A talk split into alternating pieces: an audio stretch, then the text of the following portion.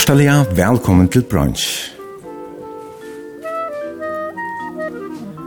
Dagsens gestor er 33 år. Hun er oppvaksen i Åndafyra, født og bosidan i Havn. Hun er utbyggven hårfrykkere og starvastaklige som leiere i egne fyrtøkene VAU. Her om fremt er hun avvirskere, etla influensere, vi mer enn 8000 fylgjarom av Instagram. Velkommen til brunch, Osla Breit Danielsen. Jo, takk for det. Takk for at du kunne komme her og vidtja det. Ja, velkommen, og til nesten den nere bare spurt. Du har dekka lekker spår opp her i morgen, så er godt ut. Vil du være tullig av foton, eller hva? Ja, jeg begynner i morgenen ved å gjøre en oppsiden uh, av salongene, og så har vi bare direkte av henne med å gjøre morgenmetteltid. Ja, så du har jo langt vært til arbeids. Ja, ja. Og vi sitter her i stoven i hjemme til her og mannen mannedønnen Samuel Peter Danielsen. Ja. Vi er en uibo i Bogbindargøte i Havn. Hvor lenge har du bo her? Ja, vi tar bo her. Altså, han bor her fra Arn jeg kom inn her, men uh, 12 år har vi bare bo her. Mhm. Ja, så det er han lagt. Ja, okay. er det om hans her som bor og overhatten her? Eller? Ja, omma hans her, ja. Hon eier husene kanskje? Eh, vi tar det, vi tar kjøpt det fra henne. Og, okay. Ja, og så bor hun faktisk i Åkholm. Ja, ok. Ja. Det er jo som en god avtale. Det er en fin avtale. Og så vi dør døve noen sår. Ja. Du, tid har vært sammen i, i noen år, to sammen Peter. Hvordan møttes dit? Ja, hvordan møttes vi? Vi møttes faktisk... Um, alltså Einar Salong, jag klippte honom, han var faktiskt en kunde. Eh jag har ganska stort lite men eh, vi möttes bara som vanliga folk och ehm klippte några ferier och han var kan kanske han kom rennande när för för ofta. Jag tror så här det täcks under tog i mitten han och sonen kom och klippa så här men eh, då var det då eller har ställt någon och han kanske fattade sin tur eh sin blade knän någon då. Mhm. Annars så möttes vi då ett i byn som det läste ganska göra. Ja, så möttes det efter här i byn. Ja, och så aldrig där åt läsen därifrån. Ja. Og det er et rundt noen nøkker år siden. Ja, det er nøkker år siden, ja. Uh, ja, det har vært to år. Ja, i tolv. Ja, du var 22 ta, ja, ja. ja. Og til ble så gift, uh, jeg får her rett han? Ja, uh, så meldte vi Jingle Lopsen fra meg av da vi ble gift. Uh, bare tre år rett han, til det var sånn tulja og sånt. Så vi sett spårning til det, men uh, vi tar jo ikke enkelt av så ja, nå får vi kjøtt... Uh, nästa år är vi kommer på något år, Bitlopsa. Så är det 20 år alltså är vi tror ju att la. Nej, ja, något år är ja, och jag jag vet akkurat om årsskiftet, ja. Ja. Okej. Så vi rundar det kött faktiskt. Ja, ja. Ja. Han er så ikke her i morgen, og tid har han hatt huk, Dori, som har vært her reisen det er var vidtja til Joar, og vi vil prate av oss en fyrrak og kom til sendingsna. Ja, vi finner jo en hund, det er så døyligt. Ja. At, uh, Ta fyller oss inte i rummen. Ja, hon är inte stor. Kan slä är hon där? Ja, det är en liten litet bulldog vi tar. Ja, som en bulldog. Ja, men så vill nästan trosk och och fitt. Ja, och vill jag fitt. Ja. Sen spelar sjuk. Ja. Hon är ganska helt sjuk om. Två och halvt år. Ja, hon är två och ett halvt, ja. Så det är för naturangstande i morgon. Yes. Mhm. Mm ja. Och ja, han Jeg så en sånn som du greit fra, som var vi, jeg synes han var til frisør, men annars så har det ikke noe bøtt, enn Men uh, jeg vet at det er å bo i lista til atleien. Ja, det är vi, ja. ja. Og det er nægget vi får prate om ikke mer om, og i sendingen er hvordan han tilgången nu er det til Det er ikke bare bare. Nei, det er en sannlig lenge tillgång. Ja. Det er nå, ja, på i lista i noen år. Ja. Det här får vi att uh, prate om, och så är du ju eisen avvirskere, eller influensere, om framt att du räcker din egna fyrtøyge harfrikanar her. Ja. Ja Hvordan er det? Altså, er det her mer... Er det et arbeid, eller er det mer fritjøruttriv, eller hvordan? Ja, jeg har man kan more kalla det som er utriv. Det er ikke det som sitter med brei og bor, eller gjør meg pen, noe pening til det. Um, I hvert fall ikke men det er som som lever av det. Men jeg har alltid måttet et hobby og løsning for ja. fyrtøk og sånt. Altså, ber det til å leve av det i førjen, eller du? Nei, nok ikke i førjen. Nei. Eller, jeg, bare, jeg skal ikke gjøre meg klokken på det.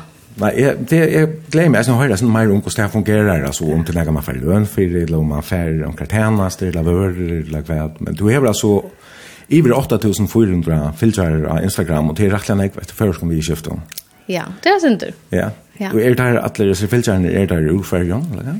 Eh ja, det mest är förrest alltså, men här är det några som ehm ur USA, samt det var att 20 och 20 ur Danmark, så det är inte bara för föringar som vill jag vet.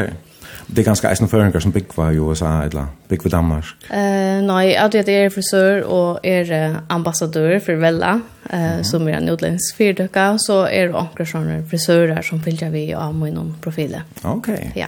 Ja, så att ja. få inspiration, ganska gå gå huskott. Ja, akkurat. Men eh, det meste sveisen att du är rettelig kjent för førjen, Alltså 8400 fylgjærer till, till Røyland Ekvet, för som vi skiftar om. Och det är ganska sälja enkla kvinnor. Ja, jag har alltid allt bakgrund är nog som mellan 25 och 35, och det är som primärst och så är det standard att det er mellom 40 og 30 til neste eller så. Ja. Och det mesta är kvinnor. 95% kvinnor, 20% män. Så, ja. Så så det var kanske inte så löjligt att jag kände så öliga nek till till in Iron det var faktiskt en kon för en en kvinnlig startfälla som gammal huskot och säga du borde för vicha och så blir hon då rörde väl att fortälja och grejer från och det är näck ah värst på hjärta till till lägga nek vi uta bäje lösningar eller vad ska jag arbetstillfällen men eisne privata server ja. för att du nekna knalluva ja, Røyne som det fjellbrøtt, jeg har funnet det av føringer tog man også vel sånne her søver kanskje som man vanlig ikke forteller. Ja. ja. Men i mynt meg lukka av Kjolten du erst, eller kjent mittelen uh, kvinner, kanskje særlig yngre kvinner, så er det kanskje ikke nek som vita ordentlig hver du kommer fra, og, og altså, kjenne tunne bakgrunn, så til alle mer reisende vil jeg prate syndrom. Ja. Du erst jo en Jeg halte man kan gå se en bygda dama, bikta damma. Alltså romal jag kvar svär. Det er i hvert fall av hjertet. Så att du kanske drar inte er blind en større dama? Ja, jeg røyner ikke over en større damma. Men uh, vi tar nek, oh, vi har vært å prate om, og så er det jo jeg som tonelager under sendingene, Hvordan har du det vi tonelager spil du, eller synger du, eller noe sånt? Altså, jeg lurte redan jeg etter tonelager, men jeg hadde ikke så definert at det kom kjemme til tonelager, da du bare med velja nøkker lø, så var det sånn det ringte at velja nøkker lø, til at eh, jeg husker selv om hva det lurte etter, og sette det selv mega nekk i samband, så det akkurat sier det morgen annan men eh, um, og en så lång så er mega nekk larmer, eller och musiker och fast prata så så jag har alltid man huxar sig ordentligt om kat kater runt om men mm. ja därför bara vi tror onkel du spalt några jag säger själv alltså Nej, faktiskt ser jag hemma så tänker jag faktiskt inte. Sen drar tror ondra. Okej. Ja.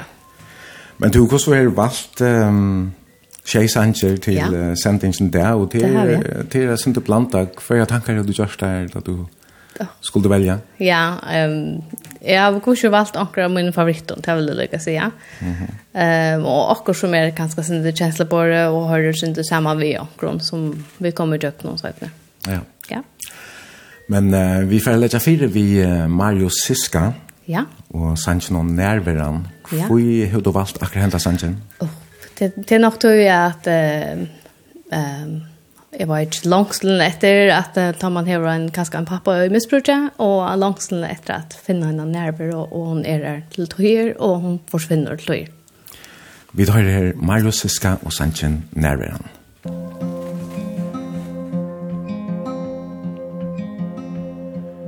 Så kom nerveran fløymande Utan at sia mer fra Bare så var hon atter her. Nemur hjørsta mitt boi så gå Tidje som om hon er Moin men jeg veit At hon bor ut her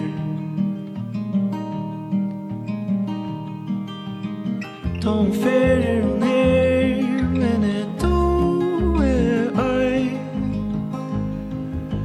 ett liv og i løtan en sommer og en tid skal jeg her.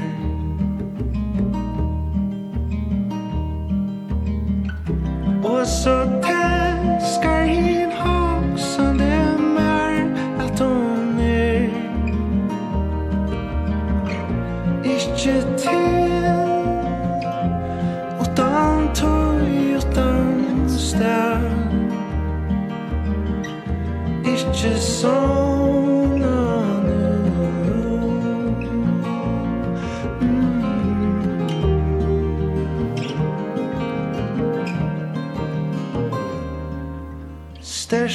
känslor halt och blå.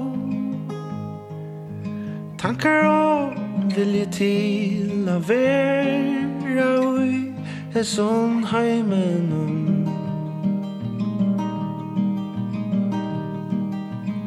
Tom ferir hon her men et to er oi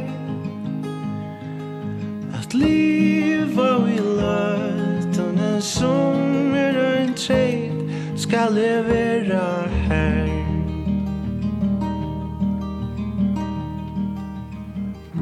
Og så tälskar hin hoksande mer at hon er Ikke til. Utan tøy utan stær Ikke sånn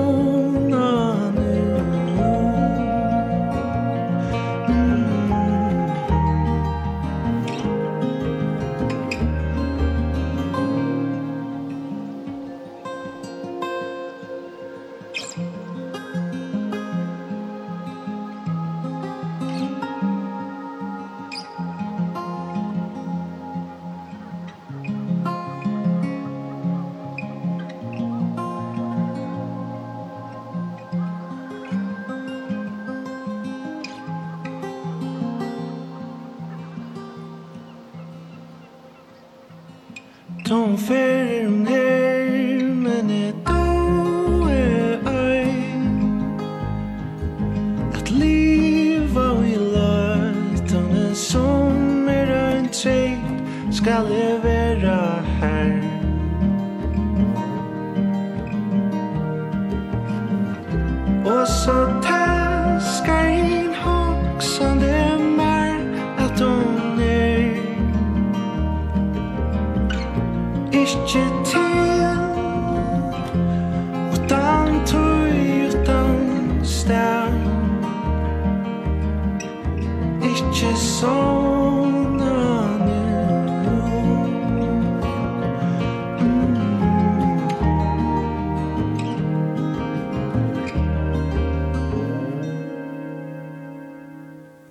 hørt om Mario Siska og Sanchin Nerveran. Og det er Osla Brei Danielsen, som er gester i bransje i morgen og vel tonleggen. Og nå uh, held det neste sanker fram her. Altså sjølven, det var ikke meningen. Men vi sender beinleis ur bokbindare gøt i morgen.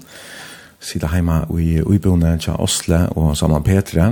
Og uh, det er en ekkelig honalig tjattlare og uibo som er... Uh, ja, virka som om man er totalt renoverad. Det har just nek nek vi er virka som er bei isolera og nukje vetsjer og vindeie og Er det rätt? Ja, alltså vi gjorde det var för nu må det vara kat ett år sedan. Mhm. Ett år så det är en löta så ja, jag vill share mega ny modern heter en vanlig Sethus. Er det kostar. Ja, det är slängs inte där mala. Laga? Nej, okej, vi malar i corona tiden. Jag fick flipp, flip. Att det skulle hända också. Ja, så er det eh, hva kallar man det? Så Ja, jeg var kock ikke Ja, sen så er brent fersken farvas litt. Ja, nemlig, ja. Altså, han er nok så modern. Blushing peach och det farvan, faktisk. Ja, ok. Ja. Ja, og her er sånne, det var mynter og, og vekk og noen. Det var nok snakk med eh jag kan det är steinprint eller det Ja, nog snack print. Det faktiskt samlas inte på imus print bra. Imus kunde staffa kom. Det har man också väl. Ehm så hade det bara en lite samling jag var det har just Moira och tog. Ja, okej. Okay. Ja. Och det är liksom ett rum som är uppe ute i ett alltså köker stova och jag någon och vi sitter här vid ett läckert uh, spojspår gott plats og her er en läcker läcker slabor någon er rundstikker og rutlepilsa og yoghurt og vindruer og kiwi og osterjuice og alt gott så Jeg gleder meg. Hette var, hette var hun litt. ja, hva synes du går igjen? Ja, og tusen torst her hjemme.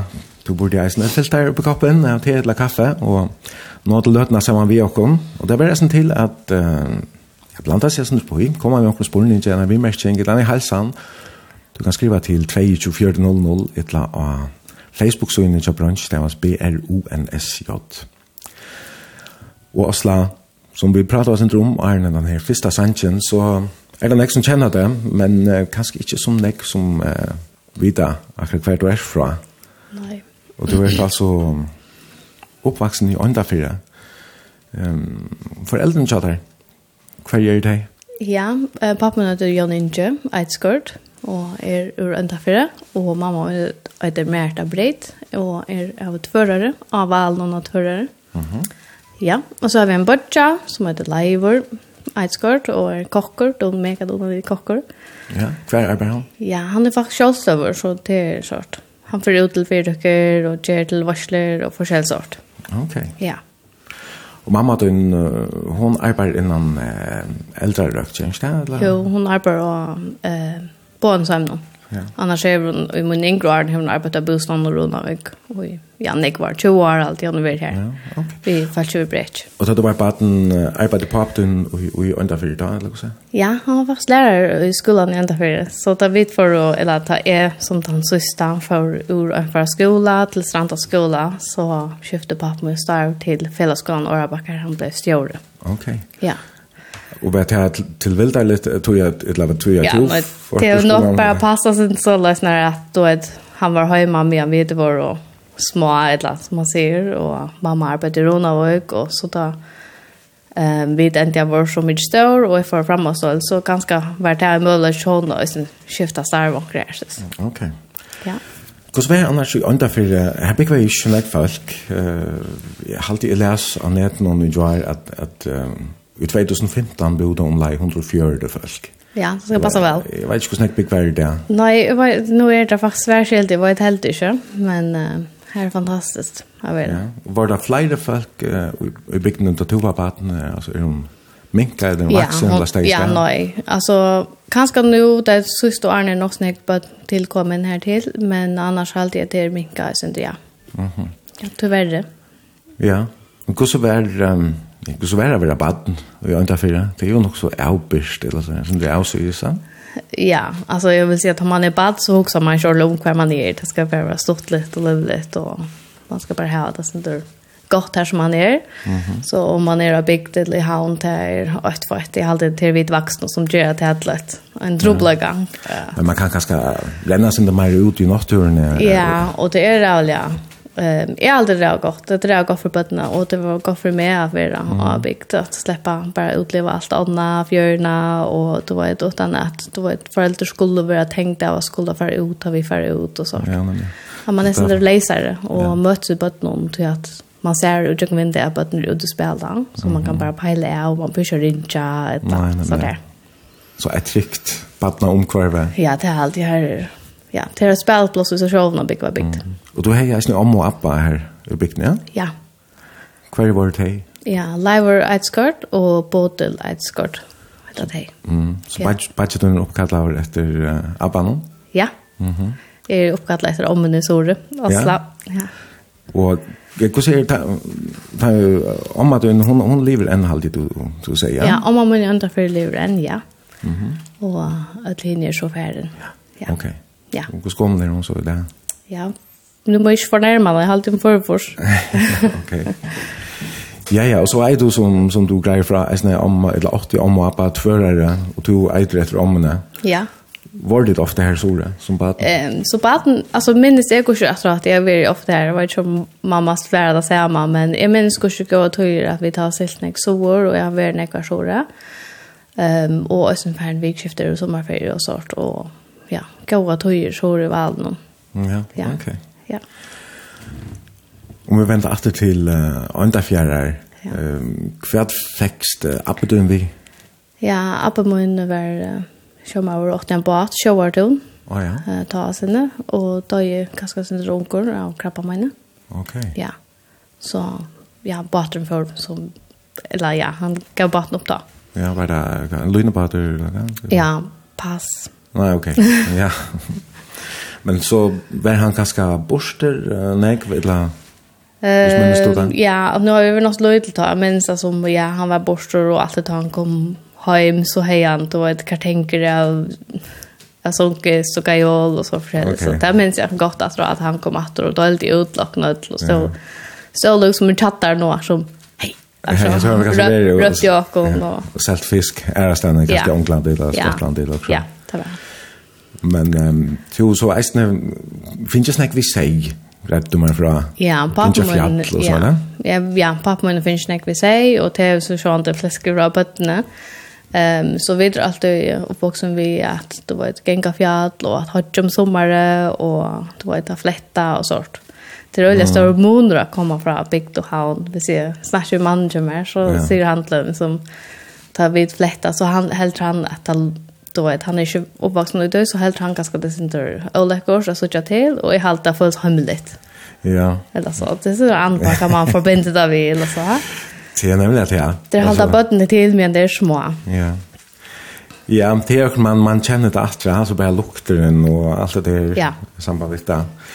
Och hvis man hvis man inte färdas snack på det bygd eller har familjer det bygd som som har finns vi säger så så så skilda väl att man man kanske där viskar sen främma ja. Ganska sen sen det brutalt där är snän kanske. Ja men jag minns bara gott att dra och sen bara vara fjäll och så att det är faktiskt hade botten vi hade botten vissa så tek man botten när vi skär här som drar farligt och sådana. Ja. Spalt vi det an vi antar rök och inte så kom om man här till så slapp vi här så han det vi och räka. Mhm. Så ja jag hade man ska hålla botten till men det är små. Ja. Och du gick så i andra fjärskola Ja. Så du, og pappa den var, var lærere. Hvordan er nærmengar var her i skolan? Ja, vi, altså, om et måned til høyre skola var vi 22 nærmengar. Og sex, vi var sex som en flott, og vi var den store flokken. Ja. så vi var snakk, tror ikke ranger og tror ikke rett. Ok, så 22 nærmengar, hadde så ena stove? Ja, vi hadde tver stover, ena fra fyrsta til fjorda, og ena fra eh, femta til kjenta. Ok. Ja, og så var det som en lærer per stove. Ja. Ja. Kvar får du så att han har av flock? Ja, så får du då stränder. Så nu, nu hade det färdigt till Ronavgar. Ja. Ja, så ända för uh, blev parstre av Ronavgar, Ronavgar kommunen på ett tidspunkt. Uh, ja. Halvt år 2005, så ja. det är ganska... Det gör det som jag är värre, men vi fortsätter kurser och det stranda skola. Men mm -hmm. så det är så bra nu. Ja, hur ska det här en, en stor brötning att komma här? Nej, jag har alltid det var som tar man för känt alltså börjar man bli teenager och ta in väl kanske några bra ting helt det är ett gott skifte. Att släppa ut till flera namgar och ja det var det stort lite for fnutch folk å känna att det skala skala bottne och stranden och här ja. Så att Maja flyr vinner nu jag vinner ja gå to. Ja. Ja. Hvordan blir flyt her så? At han har skolet til hva gjør man? Ja. Og jeg antar for ta jeg spalte, jeg halte røyna vindet opp at du tar var borthandsfäll i antar för. Ja ja. Vi spalte øyla nek borthands så var det faktisk for oss hvis vi kan reipa sin, så var vi sin det gå ut var en little bit. Mhm. Ehm och det var foreldre som tog seg av tog så vi fyrir oss nok nek til forskjellige kappingar og sort. Um, og annars har vi vi satt alltid vi började spela handboll så var det sen så mån til, men jag inte det skal køyring shape alltså föräldrar och sånt hvis man ska. Ja Da blir vi då det skala STUF. Ja, nämligen STF här är väl alltid blir eller, alltså mer kan minnas vi vissten som en sån handbollsbygd har haft gott li i bästa delt nu. Ja, akkurat. Ja. Okej, jag håller så eisen du du säger du kan inte vara något utråd så att ni kan kanske ta oss mer om det. Jag håller at det er nok så utrådsligt, men da må jeg vel utråd. Så att nu är den her, vi jeg får lære i havn, så var det ikke så väl till att köpa Kornsna Kortebus. Oh ja. Ja. Ehm um, så det jag så utla spela handboll och tömt inte skifta li man är kaska sin så snart. Ehm um, så får jag rekva har vi då några år art vi är där för att bli Mhm. Mm ja. Så har vi cykla vi rycker. Ja. ja, så har vi en tur i Solvang och så. Så är mer damer väl halta med till långt från och idrott och kan ju faktiskt Okej, du gänger ännu i fjällen och... Ja, och, ja det har lojt mig upp det till. Det har jag brukt för sin drå. Ja. Rå och synne. Alltså först du så ensam eller samman med omkring? Ja, ofta för samman vid fältet. Ja. Fjällagängare och något sånt og gengt du æsne fjall og enda fyrir enda der at det fer ha bruk fyrir Ja, er vi kvar kvarja fjallgång kan og vi ser ta fettra ofta at det er her som kundar bokar, så regner jeg at omkjøpa kundarna så at det kan færa fjall tror jeg at det er bens og det vil jeg ikke Ja, nemlig ja Ja. Du har alltid haft, du har alltid vært vision, kan man säga. Ja, ja. Det är så ännu det. Man kan man väl vara vid, ja. Fast vid nekv. Ja. Och arbete är snart man skulle alltid alltid att du får Ja, arbete är vision ända för det och en lukta tog i bakka fra oss, så da jag väl ja, samla med noen penger inn til yngste man släppa makeup skola som ung och ah, ja. det kostar ju inte några pengar och så ja, så måste du samla. Ja, ja. Ja. ja.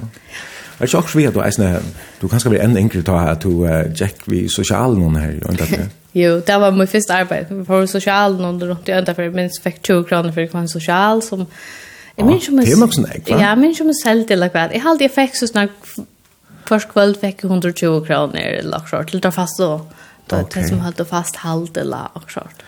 Hvordan ofte kom, kom sosialen ut da?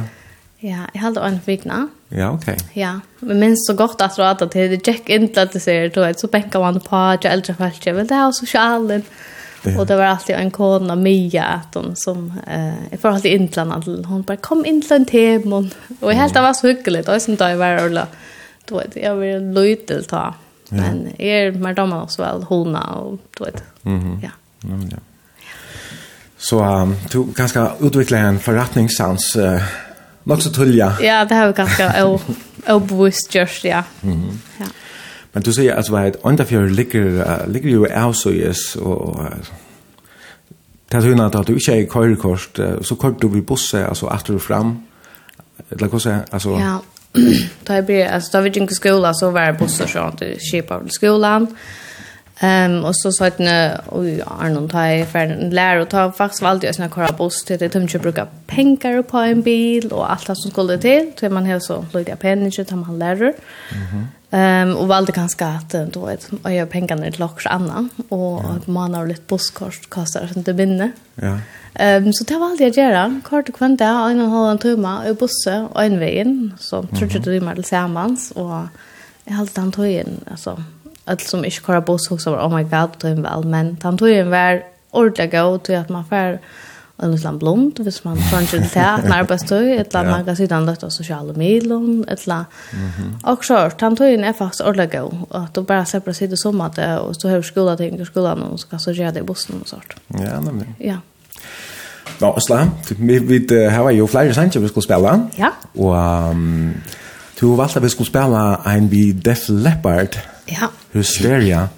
Jeg mener jeg som sangren kom ut i 1920 først, jeg vil si at noen år er en to har født? Ja, jeg er super The Flapper-fan. Det vant jeg ikke nekk vidt av, det er ikke så rock'n'roll, men og old school rock'n'roll. Ja. Men uh, mer damer det vel, og jeg har alltid damt der, og jeg vet ikke om det kommer fra, jeg vet ikke hver gang det kommer fra, om det kommer ur kameran til å bortja med noen som ung, eller, eller annet, et eller mer damer det vel. Ja, så du kanskje har hørt han... Uh spalten her, ja. Sanchen. Ja. Ja, men vi tar her Def Leppard og Sanchen Hysteria. Ja.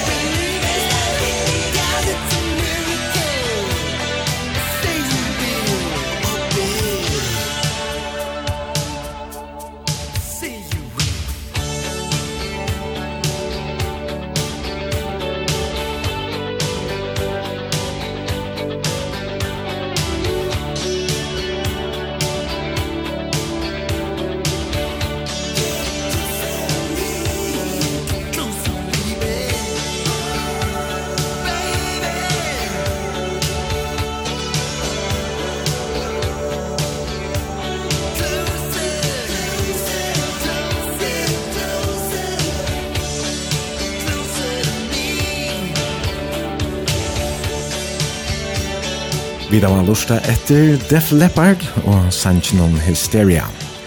Og det er Osla Breit Danielsen som er gestur i brunch i morgon, og vi sender beinleis ur bokbindare gud i havn. Og du som lusta er velkommen å sende en vimersing, en halsan, et langt spurning, at 22400, i 24.00 etla av Facebook-syna, som stavas B-R-O-N-S-J. Og Osla, nå har vi pratet sin om eh, tøyn trygga badendom i øndafyrre og, og ja, badnårene, og da du virka i utrått, og vi var kommet til, så skal jeg her, du først, i lærer jo i havn, ja. og det var så ungdomstøyen. Hvordan kom du verst du da du begynte i lærer? Ja, jeg var altså bort uh, fra folkeskolen nesten i lærer, og var lyk en tur ved nære Berggarden. Ok.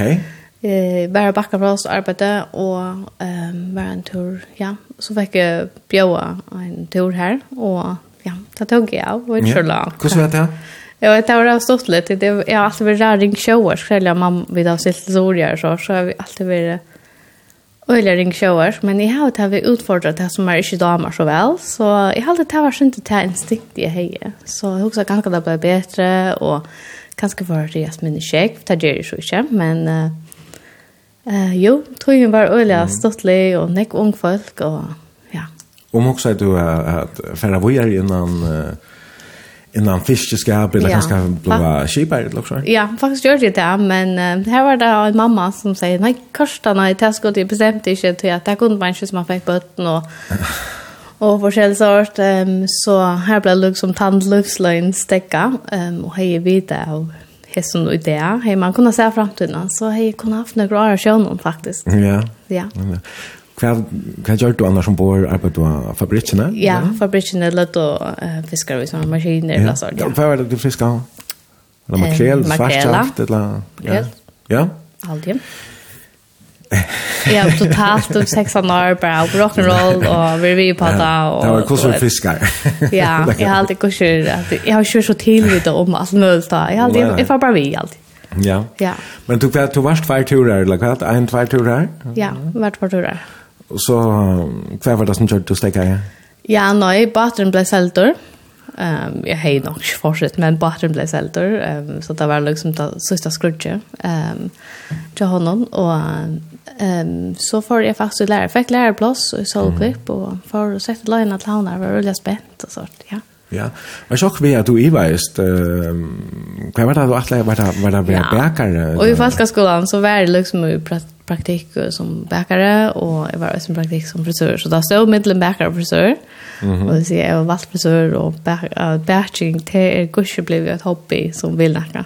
Ja, så du just näck vid här lukar. Ja, jag batchar den ja. Att annars um, ungdomsåren är här ju inte för jag händer nog så näck så jag, jag kan attla att, att hit lejda det kan säga är stannas i, i vikeskiften och så att uh, Hur gick det här för sig? Var det här i Estrøydene? Ja, alltså, för var det alltid så snar att man får en liten kampstel, en liten fukla för det og och då får man till havnar, men det var inte så mycket det att allt snod så bara här i havnene. Um, så vi kör på buss sammen vi skalafeltje och så. Ofta hade vi fars till skalabåten, och så kom det från Strondon, och skalabåten handlade vi, en sån en stor blå bussur här vi hadde samla oss, och här var det som man säger, det var glada dagar. Vi gittar och sanje av ett kampstall och ganska sent fria där hemmater ur början. ja, och var det alltid det hade planlagt allt hur det kom hem att läsa? Nej, alltså tar man bor big så blir det sent att definiera och så man man atlasar akkurst och så omkut så blev man där så halt man inte fast hem och vi vet att vi att lockna sent på bilder och då vet man här man kan köra sig till stäje och så satsa mamma syndro på man öron för att gå mamma och ta man öron för ständer och magla fast hem så vi har också just här uppbringingarna och där där är går här va? I halt mamma och bigt man till till runt över där så där jack alltid vi går så det ja. fick alltid en fast ja vi fick alltid fast hem och där jack alltid vi ja. Det har alltid gått ja. Ja. Vart en sån typ som meistens Jack Nick var festival och så. Gärna vill det vara här sånt där Ja, jag jag har jag har alltid varit så snar. Men då var väl att vi är sånt där händer och så gör igen. Så jag har inte då det är sommarsal och gefestival och eh ja. Och då när var det sen bö. Kus var festivalen där där. Uha. Ja, men så kör det. Men det var ju sånt stort lite. Mhm. Ja, men jag har sälja gefestivalen alltså till över sett som dama. Ja, men ja min ungdomsår. Blir du enn at uh, vi ikke G-festivalen?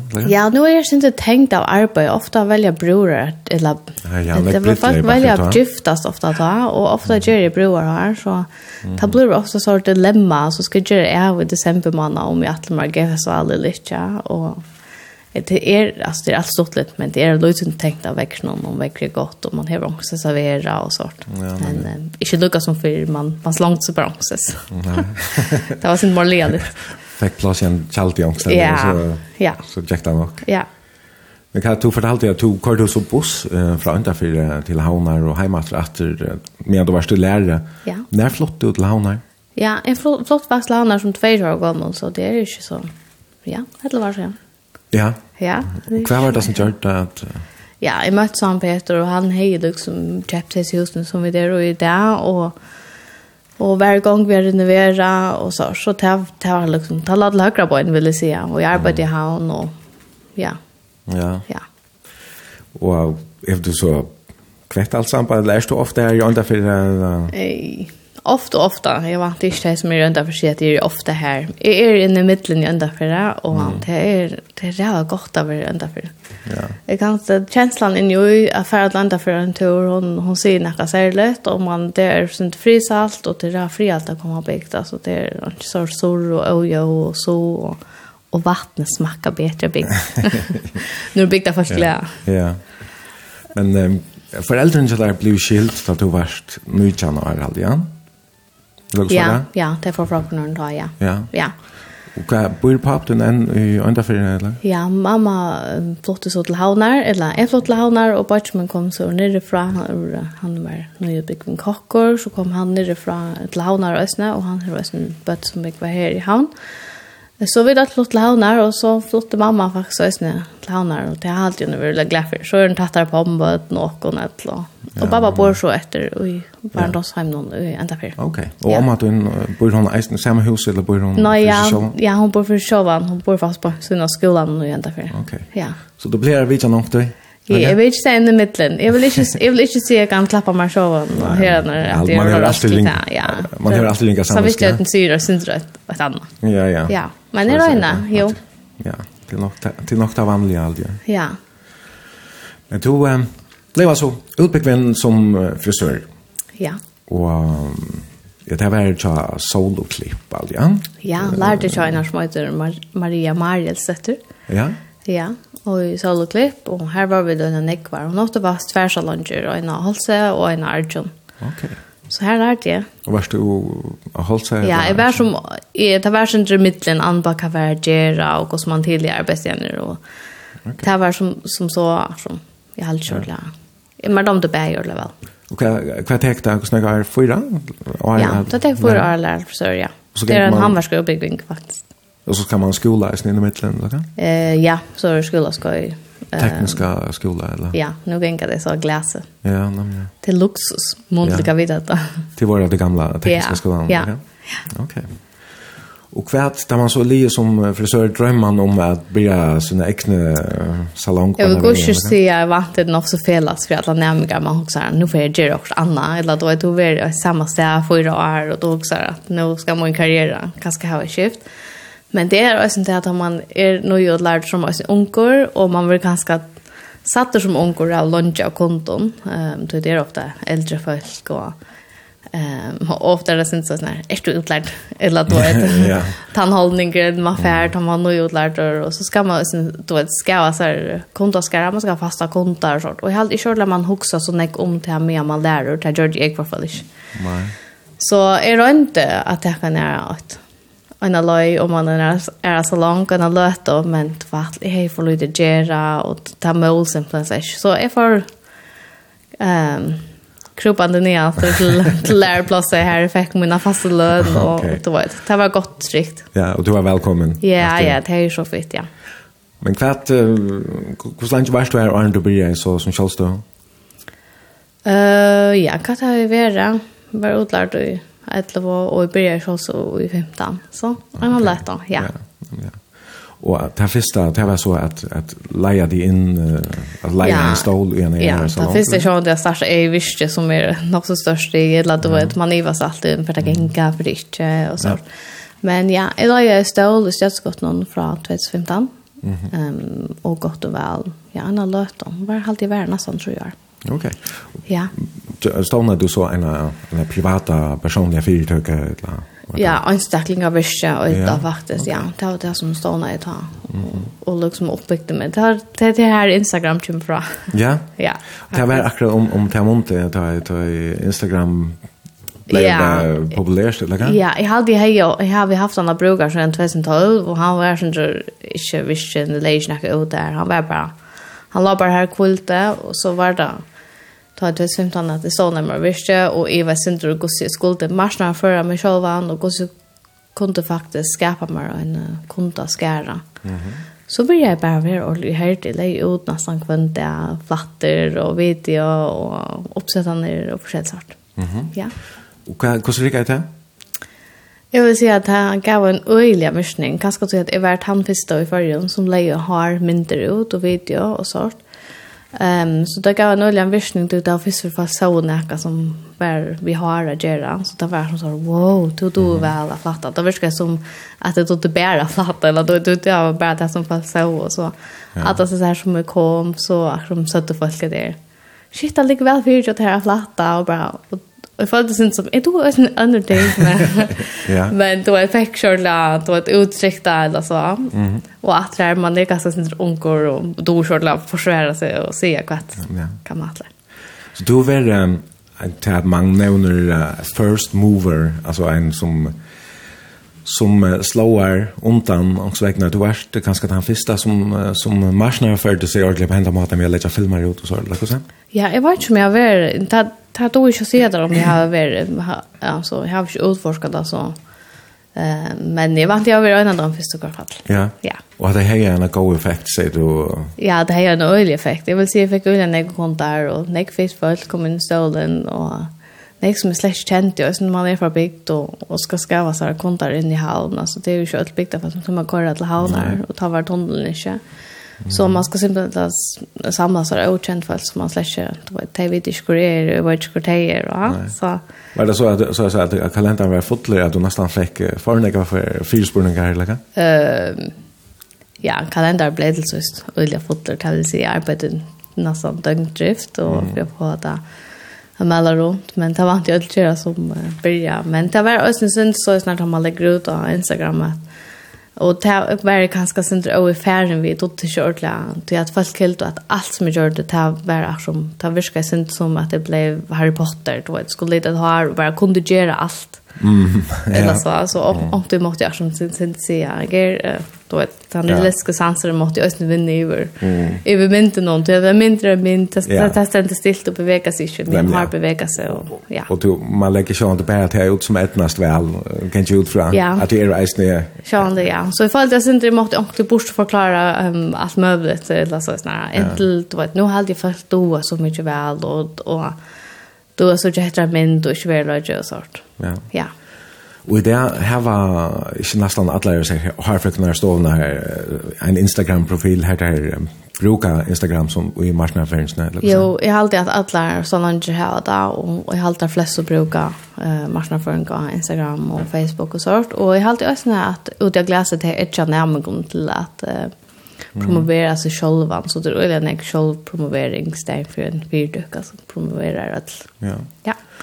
Var det så hetta som som gav där uh, trunna på att att bygga sin egen salong wow som du öppnade i, i 2009 Ja, alltså ja, det är alltid en dröm alltid att öppna sitt egna. Alltså ja. och jag hade pura själv och här sen då rej över vad händer i när och hur ska så ut och hur ska vara och för sånt. Ja, det har alltid men tror det sen störst i typ man vet att man tänker jag har arbete om man alltså. Ja. ja. Och du väl kvart tret vi har nu till 20 tret väl. Ja. Ja. Nu nu så. Ja. Ganska tret. Vet jag.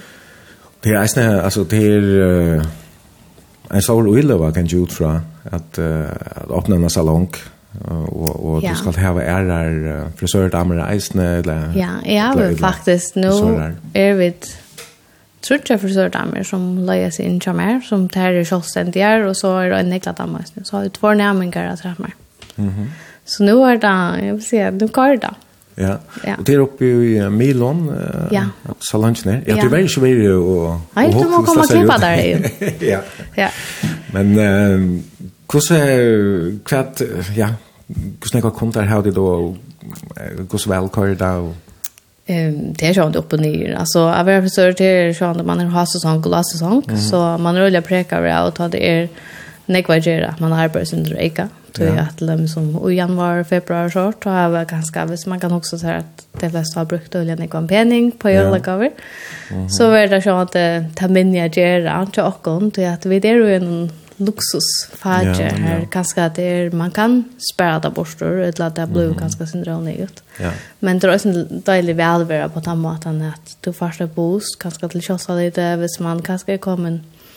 Jeg vet inte, jag hade inte folk få det bedre just när jag att göra och skaffa showen. Mm. Så, men, um, men vi tar var några kunder, ta det, er några göra og så er det sen frivilligt. Ja, men det, vi har ju eisen haft en, jag tror jag ska vi corona här, allt lukar som stägar ju upp, Rockna är snöja till Ginge Diver fyrlökna till Tekon. Ja, jag öppnade faktiskt spönt. Alltså vi öppnade i oktober som corona kom. Som, um, så att, ja. eller det var... Kom i ja, mars. Ja, ja, ja. Och jag säger, jag kanske inte öppnade något jag hörde om. Hvis jag visste, ja, vad heter det här. Men um, jag har alltid inte funnit att lukka. Vi hade inte lukka så långt. Och, men... Jeg har alltid øyne vi kreik og synder ut til at vi ikke hadde lukket lunge til at folk var jo i søtterhalt som avmarskar jo okkar kundaskara som avmarskar peningen som kommer inn og så. Så mm. selv om vi som land sier at vi ikke hadde lukket lunge så hevde jo Genji og det var fyrtøkker allukka vel til at ja, det var en, en ser tog i men sånn det er ikke visst hva det var. Finket du några hjälp från någon hjälparpackan och så här? Fyrtøkken var så ung, det hadde du kanskje ikke nega det kan omsetning av vissa av en og fire? Nei, vi tror fick faktiskt om hjälp. nei Ja, okay. Man kan som själv alltså självständig search om stol där kunde man ta. Eh men ja, det ta nej. Här är snäck fast det så jag han hjälpa packa som man fick det var faktiskt som att ta ett lån du ska ju betala din natt. Så då kunde säga för om man kan och vi på Ja, så det var det var nyanbrekka fra, fra från början av någonstans. Ja. Ja, okej. Ja. Ja, men uh, Aslan, jag hade visst att spille en sang, sangkatrat. Ja. Og du har valgt uh, Fluna Fadoma vi uh, Tobias Rahim. Ja, och hur snöj med dans och skott. Och han ja. tar man väl. Ett en sang som du uh, hører i näck nu for du. Ja, jag hör att näck och så lunchen upp då ja. Ja. Ja. Ja, og så kan du lukke med nå, vi sendte altså på en leis, og det blir til at sendte en spørning, eller vi mer sier en eller helsene av 22.4.00 eller av Facebook-synet tja brunch, det var B-L-O-N-S-J. Her kommer Tobias Rahim Flyvne Fadoma.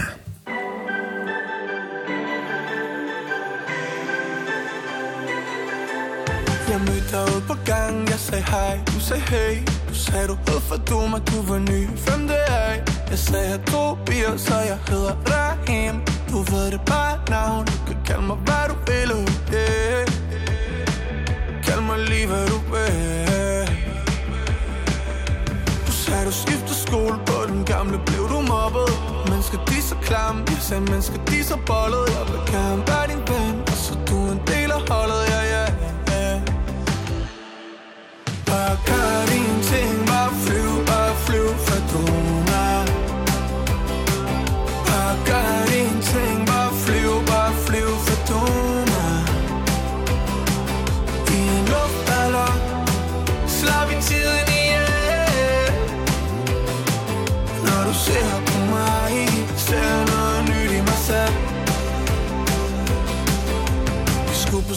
tur Et par timer op i Norge. Det var første gang på ski Jeg kunne ikke engang klog Men for du med hun var flyvende Fucking offroad.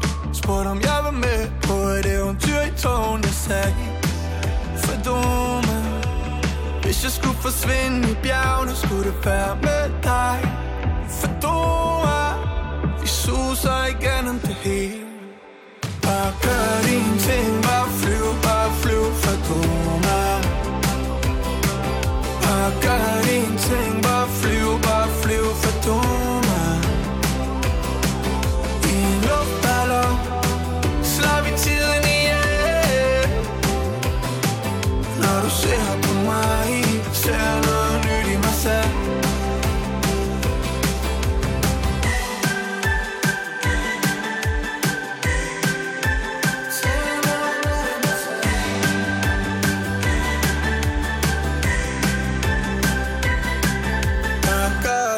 ting Bare flyv, bare flyv, for dumme Bare gør din ting Bare flyv, bare flyv, for dumme I en luftballon Slår vi tiden ihjel. Når du ser på mig Ser noget nyt i mig selv.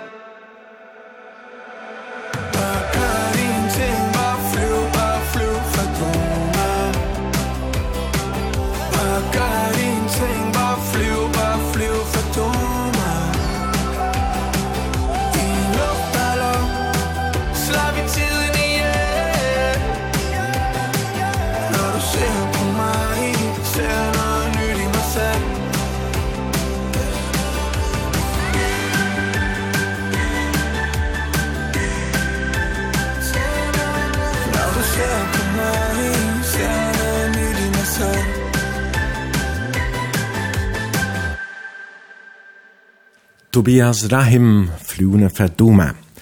Og det er Osla Breit Danielsen, som er gestor i Bransje morgen og veldig tonleggen.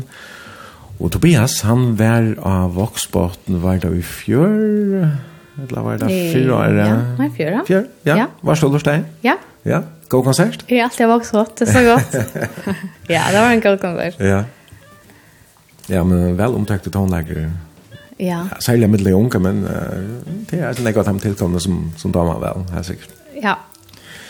Nå, Osla, vi da har pratet sånn til om ja, bakgrunnen er der, oppveksten og ungdomsstøyene, vi åndar fire og, og pratet om lærertøyene er der, eisene var kommet frem til uh, at du blir jeg uh, wow, frisørsalongene, eller har frukkene der stovene, ja. som du hever i Milon um, i 2019. Beint og herren korona kom, men, uh, men det er også ikke måte for at det er to, uh, to køyre, og kan ikke utfra at du bare kan ikke fremme, så jeg antar. Ja, jo, faktisk er det det. Uh, Hette er vel nå for en gang vi Så du tror jag det är nu i oktober, så mm. jag vill säga, det är gott. Och ja. nu så har vi ett syndra av informasjon som vi skulle strøyes vi, og eller, ja. Så, men jeg vant derfor jeg en Mm. Ja. Og du uh, hever, um, vært det sin dyr nye til Jan, tror ikke frisører som leier seg inn, og så halte du her, jeg hever en som gjør negla, en neglatøkning, som det heter. Ja, så fint, ja. ja neglatøkninger. Mm, ja. ja. Og tvær lærlinger, du eisne. Ja. Och så er du show men men du klipper reisne och sätter har upp luckan jag som som hinner. Ja, är er klar best på platå. Mm. Och plus mera. Ja. Så du hever et uh, fulltidsarbeid och det fleste vil sagt att uh, att hade här är rutligt alltså hade här hade fyller daglig dagen så is plass för mig men så er du alltså en virkjen av sociala medel och du är det som vi da først kunne kalla för en avskara en ja. avvirskare og en skulle nære influencer. Ja. En som avvirskar ånder. Um, jeg vet ikke hvor man, uh, man, man kallar det akkurat det, men det er som du gjør til det at du legger uh, søver, frasakner og filmer ut av, av dine brukere. Så, og på den måten så avvirskar du kanskje ånder. Ja Men uh, det er en sånn blanding av bare privaton, søvn fra til noen ekna løyve, og så eisne, så små filmer vi, vi løsingen. Hvordan, hvordan gjør man disse her for deilingsene, altså vekta man, hva er det man, hva legger du mest vekt på? Det, ja, det du legger ut? Da finnes det nok, hvis man ikke at, og er en sånn som legger ut, så da finnes det nok til at man sletter hjernen. ok. For du som drømmer ut fra. Ja Ehm um, och då ett huxa bara så stäckna och jag var ju lagos för dålig ingenjör det är nog bara som som jag kan gå högt upp och så profilen ser ut alltså att det ska vara inkommande att komma till. Det är ju då ena för värre men det har vi liksom släppt och det blir för förra kanta om man ska huxa för det om uppsättning och för helt sorten. Så nu är det bara sånt på på det som hjärtat häver att alla och det som man kan fortelle om, og så synder jeg av hare, og du vet, hvis jeg føler det gjør akkurat det godt, eller akkurat som du vet, mer damer, så legger jeg det her ut, så, ja.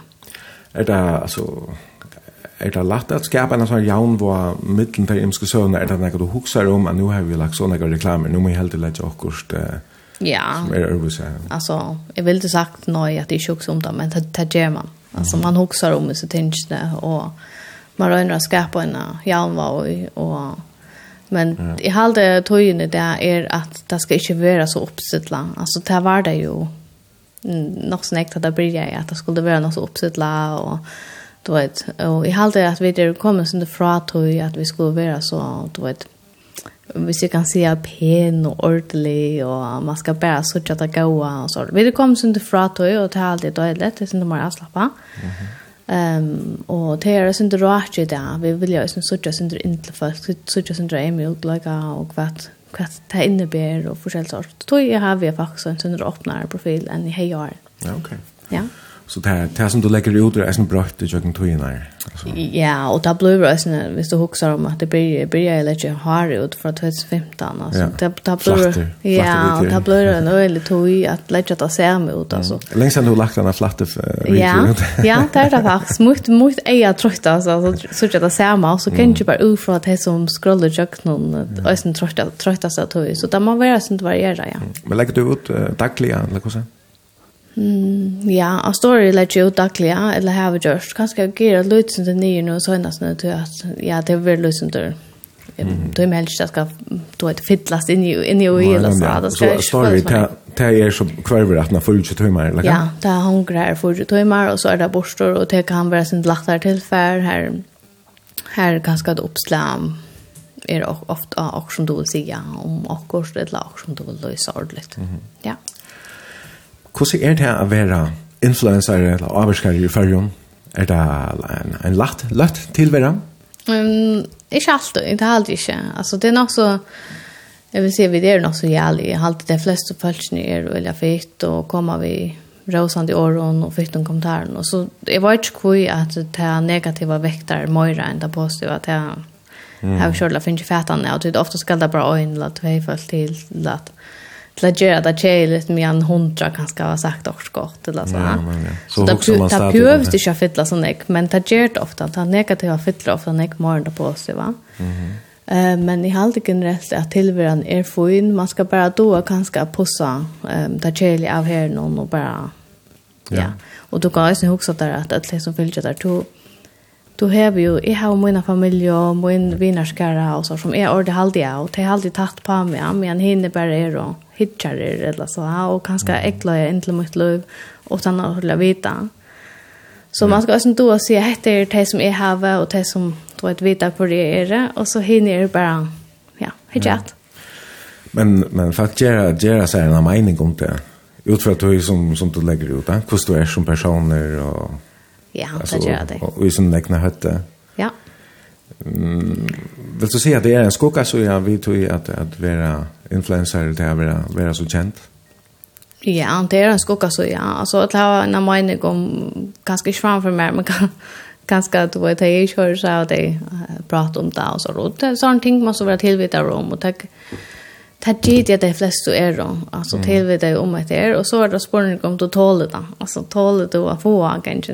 Yeah. Um, och vi kvarst är det väldigt hardt och svårt. Och, och vi kvarst är, är det fint. Ett land. Vi kvarst också att du snackar om det. Ganska man är mer härför till som att du är nära. Och drösning an på vad vi sagt. Ja. Yeah. Ja. Nu er det ikke ordentlig i malbelsen for det som du legger ut og du kjenner jeg ikke ganske så øyla meg til. Det var ikke en av dem 20 prosent av mannen. Nei, det er verre. Det er verre ikke, nå er det. Men uh, for fremtiden, så, så kommer jeg være en av dem, helt sikkert. Men, det vant jeg. Er det tid uh, nekvar av sånne her marsjene noen? Altså, er det, er det nekvar flere influencer i ferien? Ja, alltså nu är det något snäck kvar. För ta jag börjar, ja. Ehm börjar jag inte vid hur för jag att är att lära Luisa för för dyker eller för mig själv. Alltså är att jag bara att folk ska söka för det vär. Alltså och ta som jag gör det, ja. Mm. Och så var det bara vunt i påse och så hade marsnarna blivit till större och hette bara hänt alltså hette var ju inte atlan och Brunatlanterna. Mm. Ehm um, och så kommer ju Florida marsnarna och jag har alltid kött eh Jeg har kallat mig avskara näkan då eller influensare eller halte av til at flere er kommet og börjar kalla seg influencer og avvarskere. Så ble vi bölka en og i det. Så det är omnur som jag har givit här till hejta? Det vil jeg si, ja. men det vil jeg kanskje til ikke si, ja. men det til det som lukker mye. Og kanskje er det bare at man må ha sånn at man, man är ute i bölken.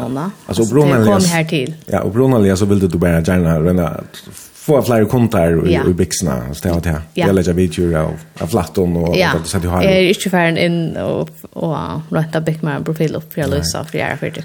Men um, er det kapping til mittlen där uh, avskärden som er i John uh, mest man til at det är några Nei, det har alltid. Här är døylig stille rollet og alle er fikk der allier. Jeg har alltid där mår hjälpsammare enn än det negativt. Jag har alltid okay ta det är också negativt som gång för sig så så vet alla. Mm. Så där vet att ösne och här kan man få en upplevelse och år och och det var ett man kan sända sin samman. ser. Ja.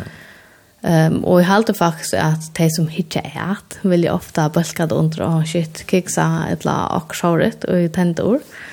Ehm um, och jag kommer till vad ska man är personen egen. Ja. Alltså och det kan inte löv förstått till att skulle trakka ner av önnor till att man kan inte bara kvar för och svart händerland någon långt färre från så kan man inte få en uppbringning upp i hötter där säger att oh my god vi har stått att jag lever vi har stått att jag lever och drar inte grund och trakka kan han ner mer vid det så är halt i outdoors att göra inte för jag mer det och och vid det synter köra i egna banan hellre än att alla de kör spåren så mm man hører ofte at kvinner kunne være nok så herrer mot hver herrer. Altså at det kommer til at det her, og kanskje det er sånn drev øvensjukke eller kapping, og så vekna, så hva helt hun serverer, eller alt veit, og bergtala kun annan, og ja, kanskje ikke alltid er så leie alle at han for religion. Hever to mest nega til til, altså, at Ja, så är jeg en kvinna, liksom, at det er kvinner, så är jeg mest ikke han til østene tann hitan, tar jag ju men eh jag var tum köra till vid om det. Nej, okej, okay, så du ignorerar det. Jag ignorerar det bara. Okay, vad ska jag ja. ja. Tam, det är er till vid om att vara då vet bara göta sen framme. Mhm. Ja. Men men sport och härde ställa nät och till Eisen där som du vet det hur uttalar du om du vart med landet i vecka för någon veckan så gärna. Här här det var ett ävne. Ja. Ja, det är det är alltid inte att snacka om att som handlar parsen till att um, då tömmer ju att hur ska man grävat upp att och och det är mega ämt om man är ute ute att då fastnar några år om man har det som alltså hade fallet ihop det en så att det aldrig sagt det i åren alltså det är det som är vi är sånt det är att du är anonym och skriver och sånt alltså. Jag vet inte, man hälsar väl omkring kring konkolar och det lagt sagt. Men du är anonymer, alltså nu säger jag, på Facebook så är du ju inte anonymer. Man säger gott för du är, men och, och de flesta brukarna är väl är väl reella.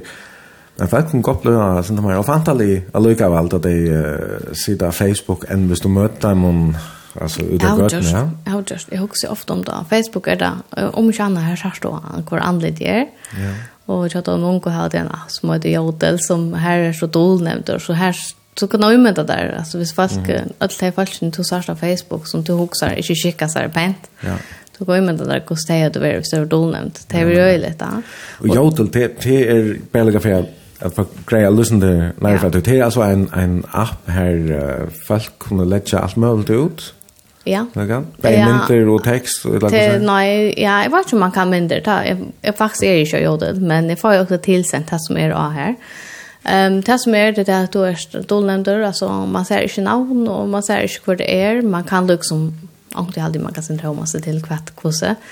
Mm men um, ja, och så kan du skriva allt som du har i hjärtat. det kan vara svinar og ja. du ringer så sleie. Men alltså, jag har også bare hvor tøyme man at opprette seg en brukare av Jodel, altså hvor er det som brukar en sånn? Ja, jeg vet, jeg har alltid, det er mye normalt bare ikke røyne seg, og hvis det er unge, men hvis man ordner for inn av appen og hikker, så snakker det om fortsatt vi skifter og forskjellsår, så jeg husker ikke til unge, jeg husker til som er min malbølt og eldre.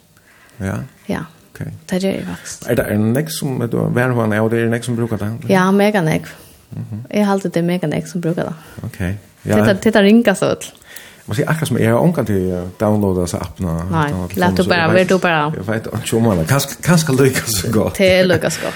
Det kan vara när vi kommer fram och ett eller annat. Ja, men det är också ofta om oss med Facebook att shit, följt då ett lär känna så här kvar. Så ångat du så kan man alltså bli av bojare för olkan. Och sen för jag säga det som du vet, du får ska se här nu. Ja. Ja.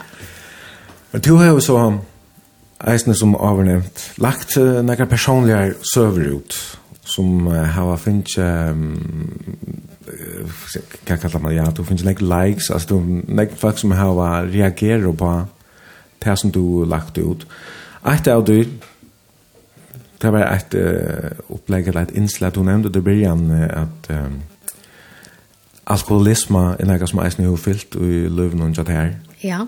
Og jeg mener det var i november måned, at du eh äh, det var Ja, det var oktober man. Det var faktisk avhengig den til pappa men att det ut. Ja. Ja. Avhengig den til pappa din lejde du et oppslag ut her til uh, äh, fra at uh, han hever jeg tror jag et år. Jag kan stå fortälja selv hva, hva det var for et oppslag. Ja, altså, for det første så hvis man strøyest og i hasen høpe, så vi alkoholisme og et la annet ting. Ehm um, så er det jo alltid två personer och det och jag har sjön det struts min kamp och hans syn och är vi frustrationen över hans ära att bor och att för. Ehm um, och han sjön det vi kanske är en frustration innan att han inte kan låta vara och inte klarar mäknata. Ehm um, så det är väl nek var her som er færen vi tog, og eller nek tung og her man sjønt og kjenslige for døkken, eller nek ting og frustrasjoner og og sånt, så ta jeg, jeg har jo lunge hukse om at alt det her, til jeg har alltid ofte, jeg vet ikke om det heter løy å si, men nå får jeg si det, og i kringvars før, ja, men uh, jeg har alltid ofte at vi gøyma søver inntil folk i færen. Ja. Um, og døyla det for sånt. Um, og um, jeg har jo lunge hukse om at, uh, at alt det her, og spørsmål som bodja møyen, hva er det to, er det en for te, er det leie og sånt. Och han helt har funnet, och um, så så han det har vi en rosa en pappa som så han det spyr til att spyrja han han er rosa vår til att ja är där det jag vi men det kon. Ehm och men så har han liksom vært jag tror et halvt år och skriva faktisk, faktiskt som jeg skriver på Instagram ehm til han och jag när förringtas så han så glädje være, för han har varit og och valt och framom och att han mäknar det. Um, og ja, så har vi spurt han, hva han helt, om det var läge att det dåligt där till det är ju bara som det handlar om, det handlar ikke bara om att få mina søv ut, och få mest likes möjligt det handlar også om att ha personer vi som det handlar om, och och ha det på det øyne, och det vill de gärna och så det på min. Um, och han helt var läge han gong sjående till uh, fonder och möter och här tar snack om etter, så han Ja, sånt det. Jag har alltid läge. Jag har alltid känt ordla. Var til det vi där om hvordan jeg fyllte opp i. Sånt jag alltid han er misstänk og näck var munnen. Näck var och vi alkoholismen. Så har alltid ordentlig han er ordentlig blir inn i hva det er og hva det gjør. Jeg vet inte hur snäcka fyllt är du. Nej, akkurat. Men jag har alltid å være näcka som han över tjettra. Tvärst tvers i møte til tar ett öl till da. Så fikk jeg sånn ölen näkare reaktioner. Det var näck fast som skrev allt munnen. Och det var näckar unge jenter og dranger som var frustrerad. I det var som stöv och och så är bara kom här till som är er att acceptera stövna som hon är och så och det är en länge väver. Ehm um, men så ringde pappa mig nästa dagen och han är vid Afon där han mötte en man och han är liksom sagt eh hej hon inte klockan vid det någon drar, och pappa är som hugger sin rätt och någon och Takk for det, sier han så. Og bare bryr sig sånn med mig som var som rebär og sin vängar dig, ett lassa. Um, så, og och kyltkörlag och så sier han, jo, døtteren kommer, hei Lise, og som tog en dötter hej, skriver Instagram och att jag hade sett det liksom sin känsla på den och läsa det och gå hei pappa min här klarade och gå skotta vär och sånt. Ehm um, och jeg har alltid ösen pappa fikk en aha-oppleving, og tar bara finka och prat och jag fått den här snusig om at jeg skriver til meg. Så ja, min bok kom og synte lengt ut for hele sen så jeg har det gjør det godt til nog snäckvon. Mhm. Mm ja. Ja, men det var uh, alltid et, et och det rörande och ärligt uppslag och Alltså där jag läste så huxar jag ganska eisen sen du oha kvart kvart se på den till där men som som du grej för så har han ju sagt att det var läge. Vad det var upplånande att bra till han eller en båt till han. Ja. Och där kan ju det bo på om någon Instagram bild att det är samtidigt är en korrektion. Mm. Jag kan lucka läsa att här första regeln är alltid jag bara för att vi ska gå stämningen är just nu. Ja. Du skriver gå på papper, jag ställer ett lucka vid den. Jeg sier at i morgen rundt jeg skriver til henne kvøve, men det er ikke mer enn at det jeg sutter papirer for tåren som dette nere av kjolken Det er emt. Og så, ja, er det en nok så lenge. Jeg, jeg, halte ikke, jeg får ikke lese alle, hun er nok så lenge, men øyelig ærlig og, og lukka rørende, helt sikkert. Og, og jævlig, eisne, hun er, eisne, er nok snakk mot henne, så... Ja, det har alltid alltså hvis man er i en sånn någon en affär som man ser och mm. som är så länk och då vet det översteg på passar ni vad nu Jan och tror ju det där. Alltså ehm um, så först är det ju frustrationer och man är tlor och chattor och något som man tar avstånd till allt det här som händer och så det är Det är länge väv väver man ska dökna och det är gott om man kommer här till att man börjar söka det positiva och ut som är positivt. Ja. Eller så att man inte blir vid att hänga ut som vär. Ja. Men uh, det var inte något som gjorde så kallt om du tar du var smådjenta, alltså att du var helt ung som baden? Nei, ikke noe som jeg kan svære til. Jeg minnes pappa min som en pappa som var verjeren. Kanskje han har vært sånn til fraværen. Um, altså at jeg kanskje han har arbeidet eller ikke. Kanskje mm. det til. Eh men jag minns han inte som en alkoholiker så jag vill se att det finns lite mest till att ta mamma och min för fraunon och alla är out och jag Ehm och här är så valt jag vara byggvande jag var på en två år. Hur gör du det? Ja, kanske kanskje tøy at mamma har varit han som får, och man är där som unger og til vidare och och vi ser jag reflekterar øyne i det, och det är där som um, rätt och vad man gör, du vet. Uh, men um, ta helt det att av synte på honom och han skulle vara ensam att lör och och jag glömde bara nog mamma men som ganska trångt till hjälperna men mm. men i allt det ganska var för onkla så jag det ta. Ehm mm. um, så att är bara big wonder jag var honom så först tag och så trubblar sen var att han ofta du vet, vikskifter, det var alltid drukk, og man kanskje får skjømt man måned det og tog man i kjørska jeg, et la heit imbimen, et la eller akkurat, og, og hvordan det bare vokser, det vokser så øyelig enn jeg, og ja, så blir jeg en at færre åttalanda, og her ganske trådbløyden ble i måneder, eller så. Mm. Um, Er det han får till Ukraina? Laga? Ja, han var fanns seg faktisk löjna till Ukraina. Så är vi liksom som är blind tillvid det om Ukraina så har vi som familie vært tilvidet om til landet lunge. Så ja, det är liksom vært var alltid här. Pappa min fanns seg faktisk en gående här i det. Och hon är øyla fett, men lycka understryka det. Så det är inte... Um, och det är Uh, Jag tror det här, det är fast kommit till förra i det. Så det är sövan och så själv är fantastiskt. Det är bara troplasjon till pappa min som är minne fantastiker och har varit öliga att leva vid. Så det är väl en en rolig jag vill säga som vill näka och ja. Du var bo här samma med någon två år så fick du nog eller vad eller var det tillfälligt att du är flott till havna här och mötte Saman Peter? Ja, jeg møtte Saman Peter ta, og ja, flotte um, stilslene ut, og, og helt og sånn det var tog jeg takka fra oss, og fra du som var, og ta jeg møtte Saman Peter var da. Det var som en fralsande åndel til at jeg hadde ikke ordet at jeg visste ja, at det var ui, at de som var ui, og hvordan faktisk um, um, hva sier man, under vær, eller det var, det faktisk, mekna jeg ofte ikke å fære til arbeid, så jeg, jeg var ikke, altså det var bare, det var det var en, också om ja, det var en sorg och så var det skälta roj och ankarer och ehm på skällsår som ja som innebär faktiskt så i ehm tar man ner alkoholkar ut till vita ja. Du säger mer i jag att alkoholism är en en tillgång är man särer sin kärre och så söker man bara långt långt ner i flaskorna och blir det ända en frilig alkoholiker som ingen tummer har något samband med. Ja, det är akkurat så. I början är det då är det råk och det är som säger åkare och längre där gånger i alkoholismen är mer friare blir man och ja, man dräcker sig faktiskt och jag ensam och nyre flaskorna och jag tycker innast inne så inte ungen till. Alltså ungen vill vara ensam allar och det så att jag snäpp på min undan han till snacka inte han häver till en tillgång som händer som man inte var där. Ja.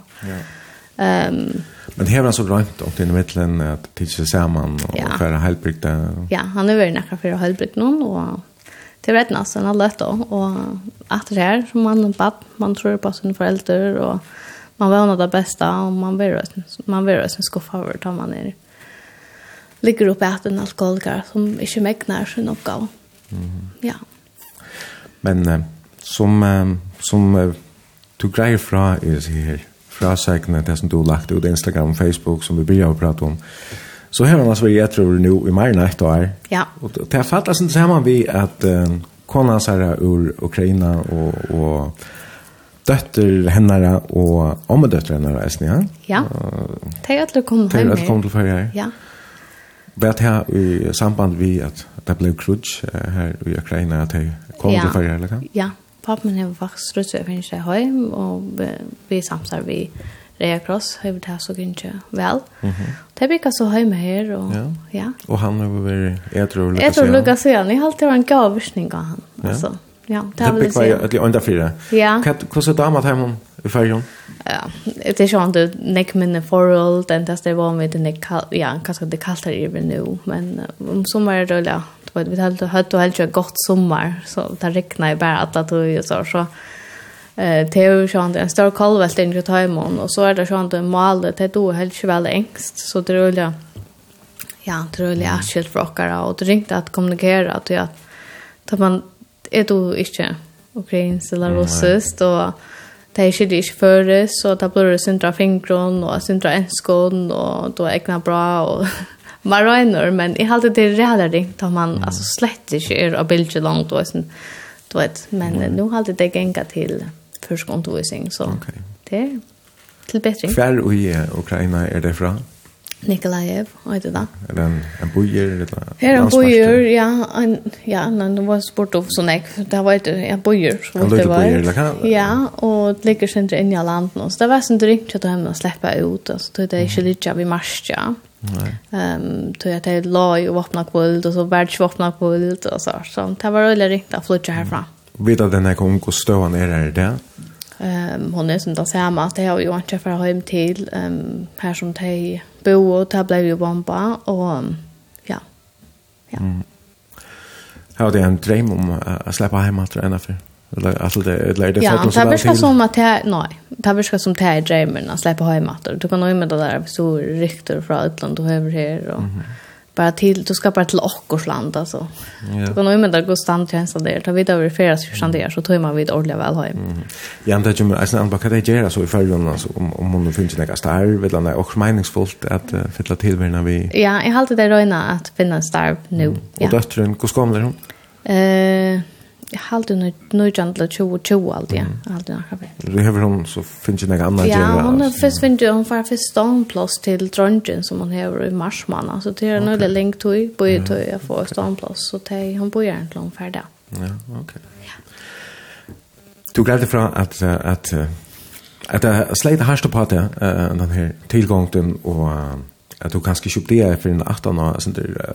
Hur så harsta det här ta du flytta fra pappa din Og, og du får snakka eisen til uh, salafrøyng, første ferie og alt det, da du varst uh, 24. Ja, um, herom. Alltså, jag mötte han, nog så kött jag mötte han bättre faktiskt. Ja. Var det han som... som ja, jag har alltid han tröst med sig. Han tog det som så ut utifrån. Han var en person som kom ut utifrån och inte var liksom i familjen och så han allt där hos dig. Men då var det, då jag så att det hej det ordlar Så jag har alltid han tröst med sig och rött och lojorna vill jag säga. Ja. Og for all salarfring, det har vi gjort øyelig vel. Det er at du først um, noen anbo som går så du kan uh, egentlig halta frastøv faktisk, og i besta mån, utan at du føler Då du tatt det at øynene ved alkoholisme, og jeg vil si at den største øtten du hever til er når de drekker seg herfra. Mm -hmm. Eller så, når de ikke er her mer. Ja.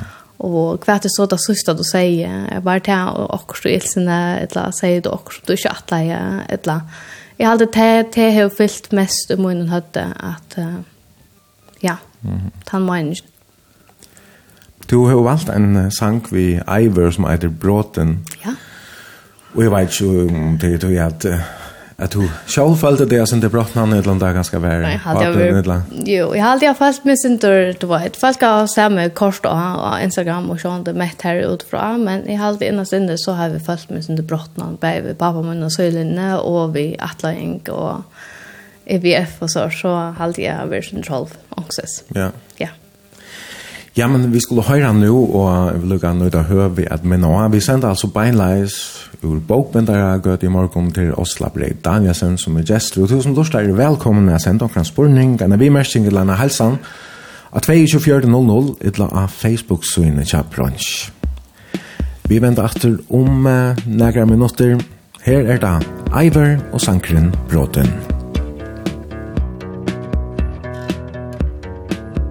To er språk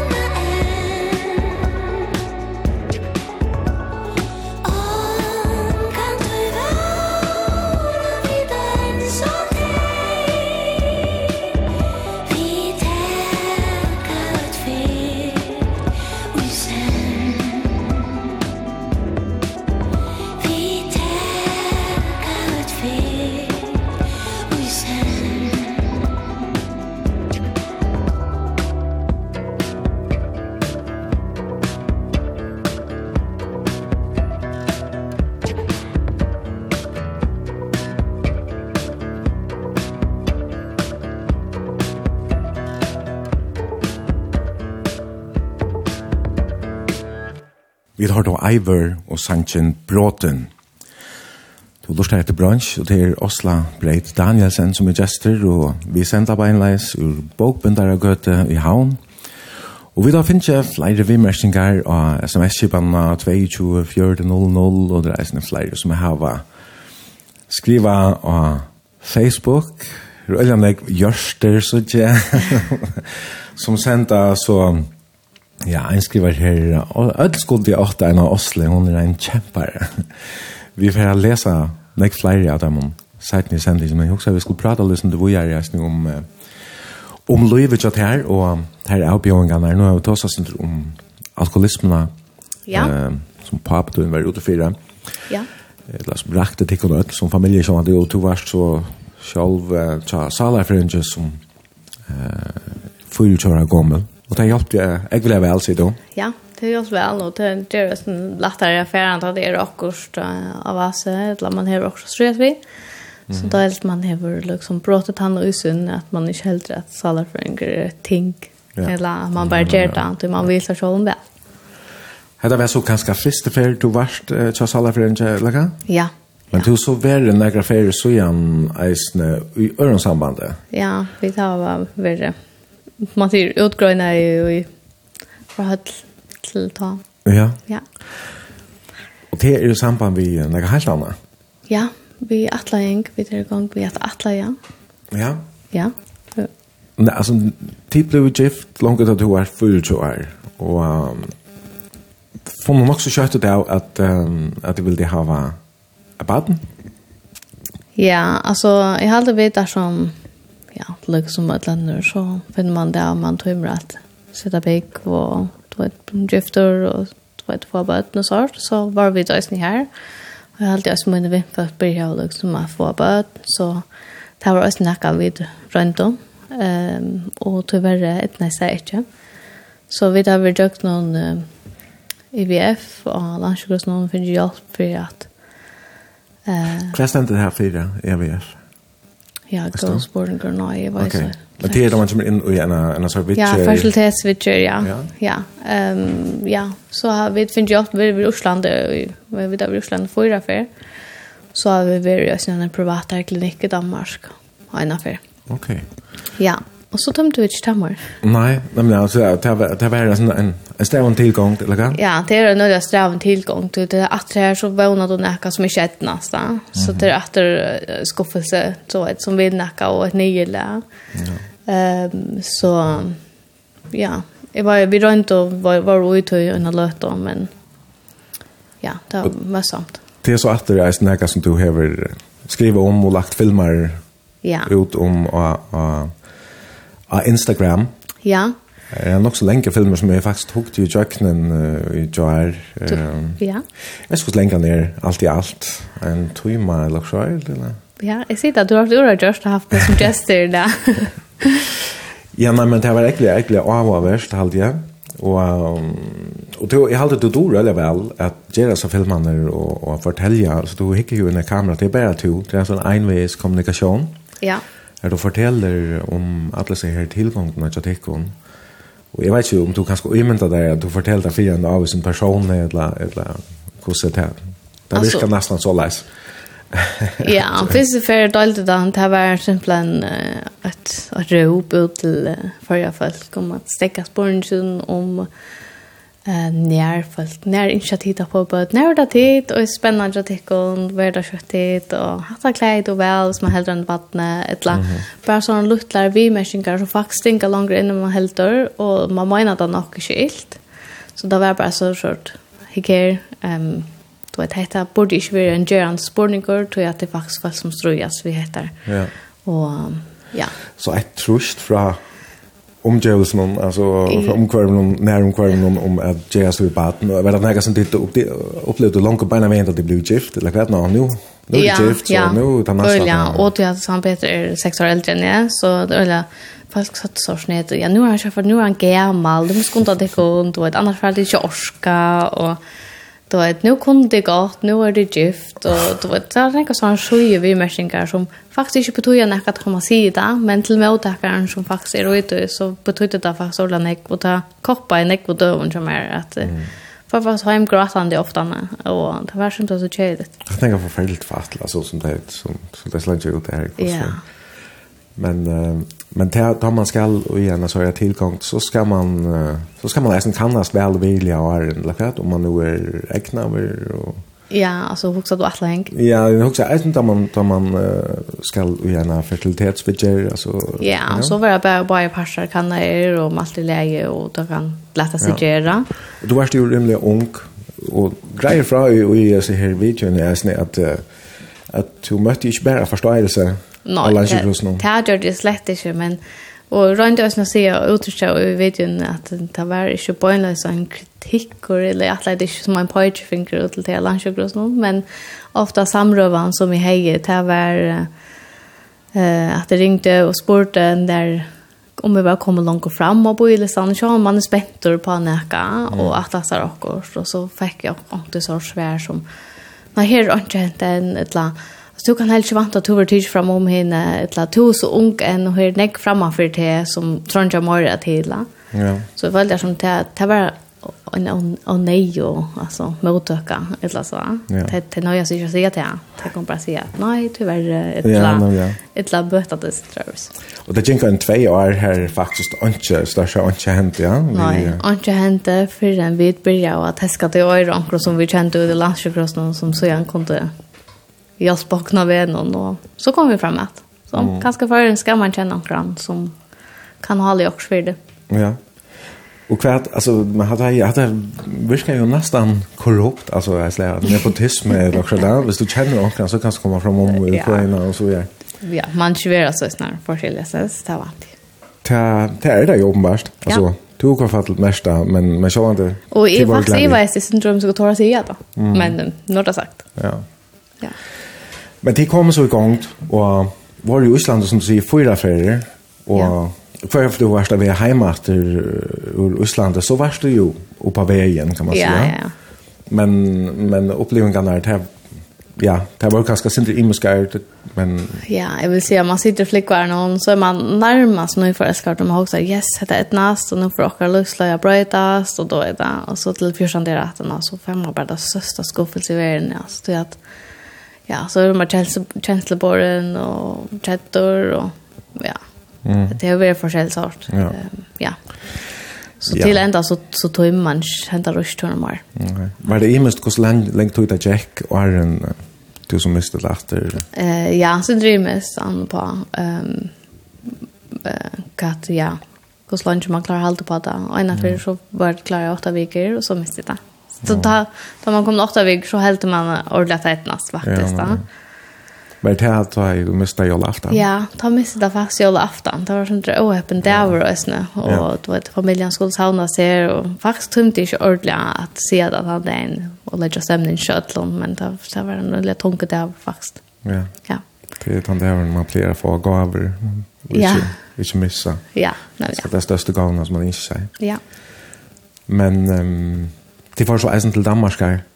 Du greier fra eisen i en av videoen her, at, at jeg var så først og ferdig til velja funnet det av hva det var som var gale, og det var ikke hei fortalt det. Ja. Nei. Men du sier så Eisen Samson så att det ikke snäcka som dor hur hur att utlevera eller fortälja och ta vi eisen større vinning for det så jeg får ikke inte spela mer in till det. Nei. Men kanskje sin til løye at man nu väl jag kan såna på og och omgång den kanske finns är lätt att veta vad det er, hva det är. Ja. Ankte falsa sindra horlåtar som att samsvär i kjordla, samsvär mellan landsjukhuset och klinikerna. Det är sånt, det har brött samsvär nu och det har också i Danmark alltid. Eh men det falsa sind som det som te i Osland, så att vi också om var gale, eller så när vi snå vi har en syster som nog så vant att det var som skulle fjärna så så att det landsjukhuset när det helt det inte. Så så var var det just som last year så så det var shortla och samma spel mitten där på och ta jag skulle kanna så hem hemma så spred till Osland ju om till vita och Jag tror att det är bäst inte frost och härifrån kvar fall. Det var ju en prioritet man ordentligt hejer. Och i det här sette det där över där alla Det skulle fjärna. Ja. Och og i Danmark så så var det privat så får det inte pening for det som det gjør, alltså ja. direkt. Och var det stora månader att Det var ordet store månader att hennes ja. Ja. ja.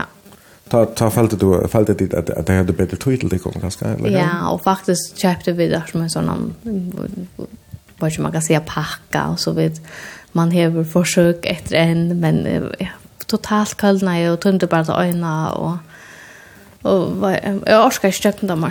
Jag Ja, hva var det Altså, det var i 2018 allt ja at du lukket som. Ja. Ja. Tog tog en outjer att nej, tror inte det mer. Ja. Nu får att det hitch på atlaing. Ja. Kvar så kvar var det som gjorde det. Ja, jag atla först också ja, jag kan kanske göra basen, bara utfyllas på porna och så då vet ehm det lukar mycket på spatten där kommer hända vägen fram. Vi tänkte det så näkvat och inte in eller så. Ehm Um, så vi får gång vi har fyllt på porren ut, men så ska man till forskjellige sån check och det är inte lov att, um, att vi är i atlaringar tillgång och i midjan man är i facilitetsvitcher. Så okay. ja, så, som vi måste droppa då innan.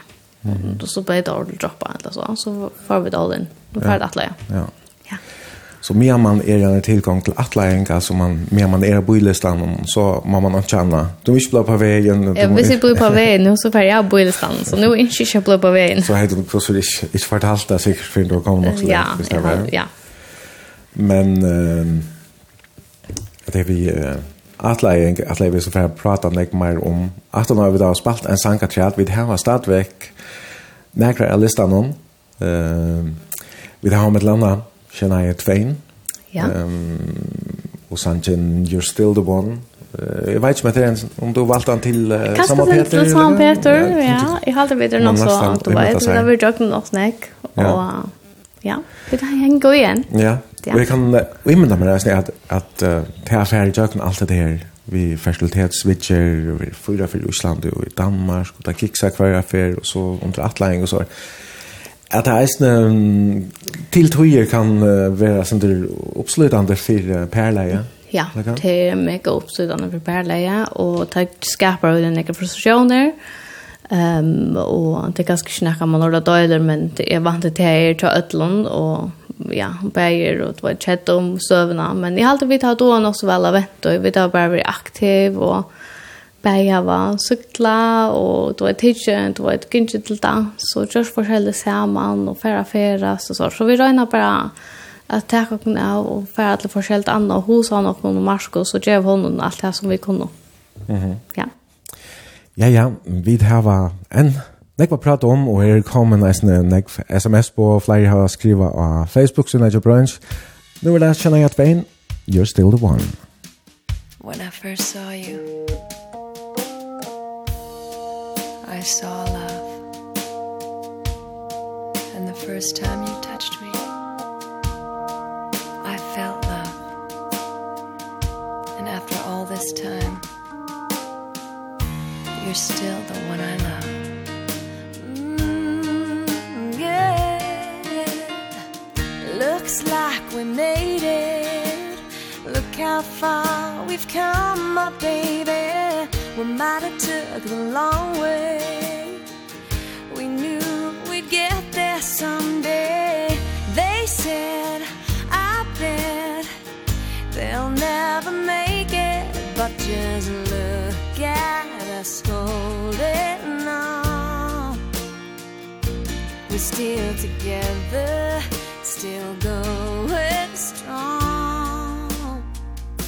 Still, you're still the one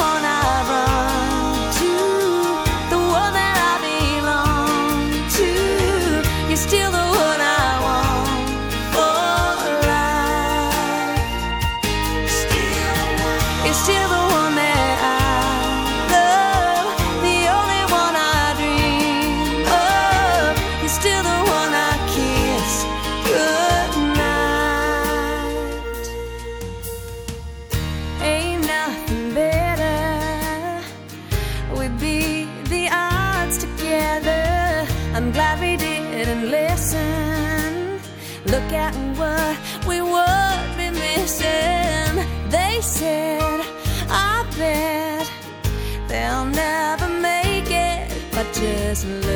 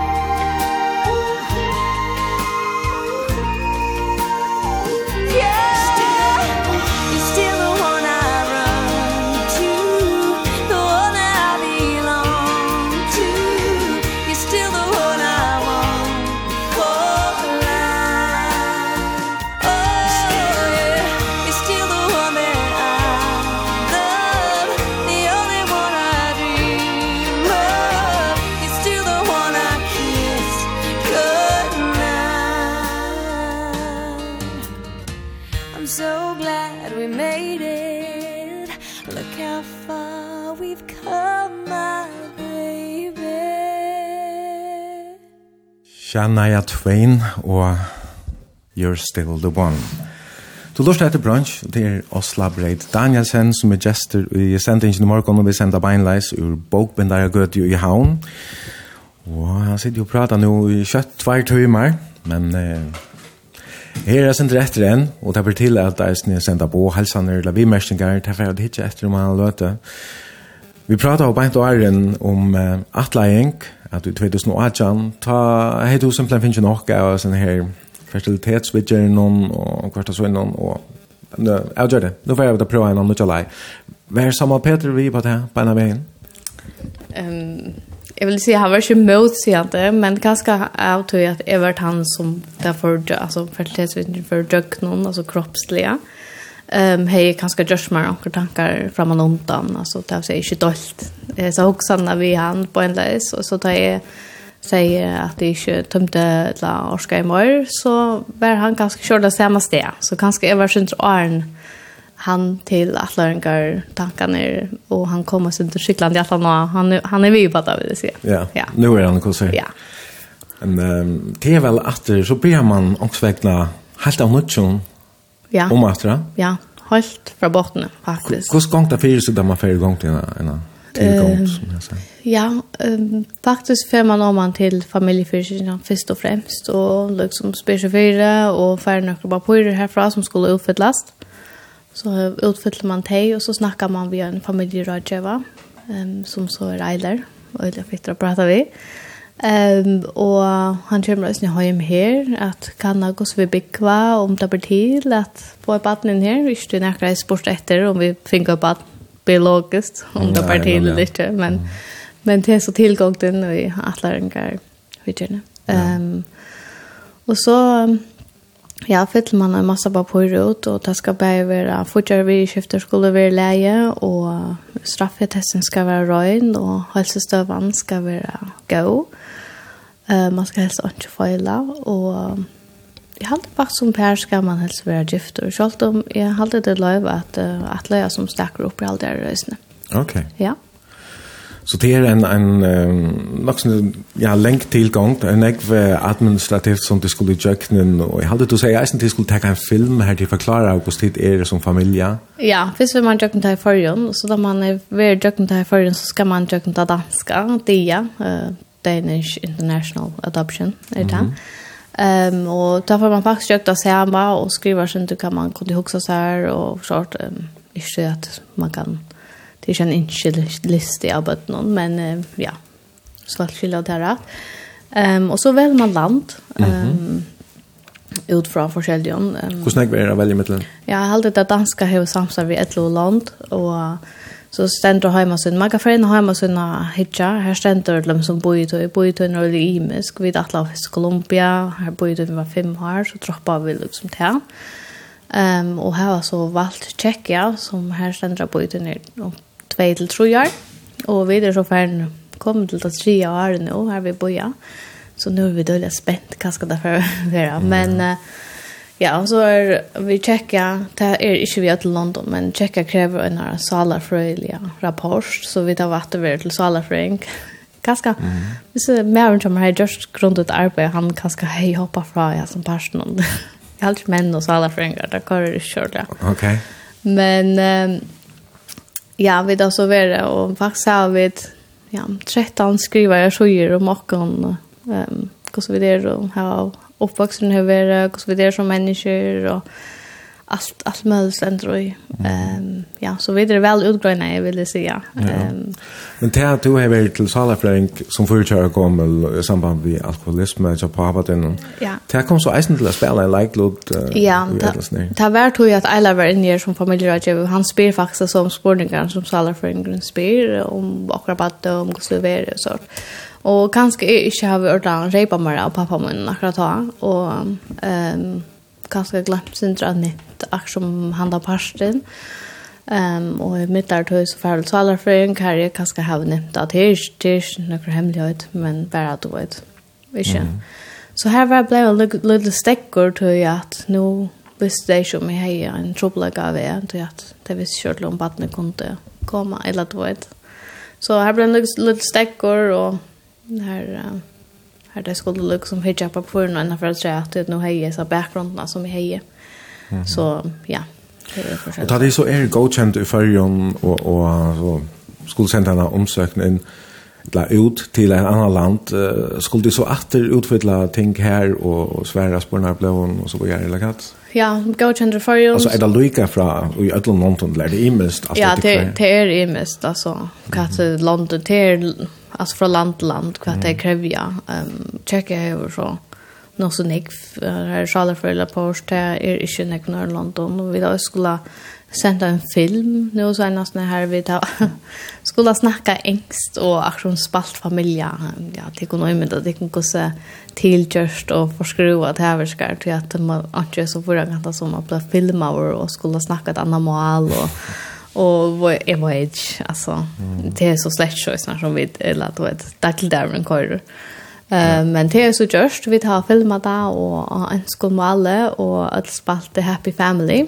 Och um, ja, och sen till uh, Tjekkia så att barnen kan sitta det som Ena för jag såg att är skulle kunna såg det. Så det det var ett krav mitt i det hela. Jag har alltid ösnt att tökna ner som man är där. Så är det ber det till. Ja. Annars är det bara vi det att här var min dom. Då vet vi där sent oss men det för och ja. Ja.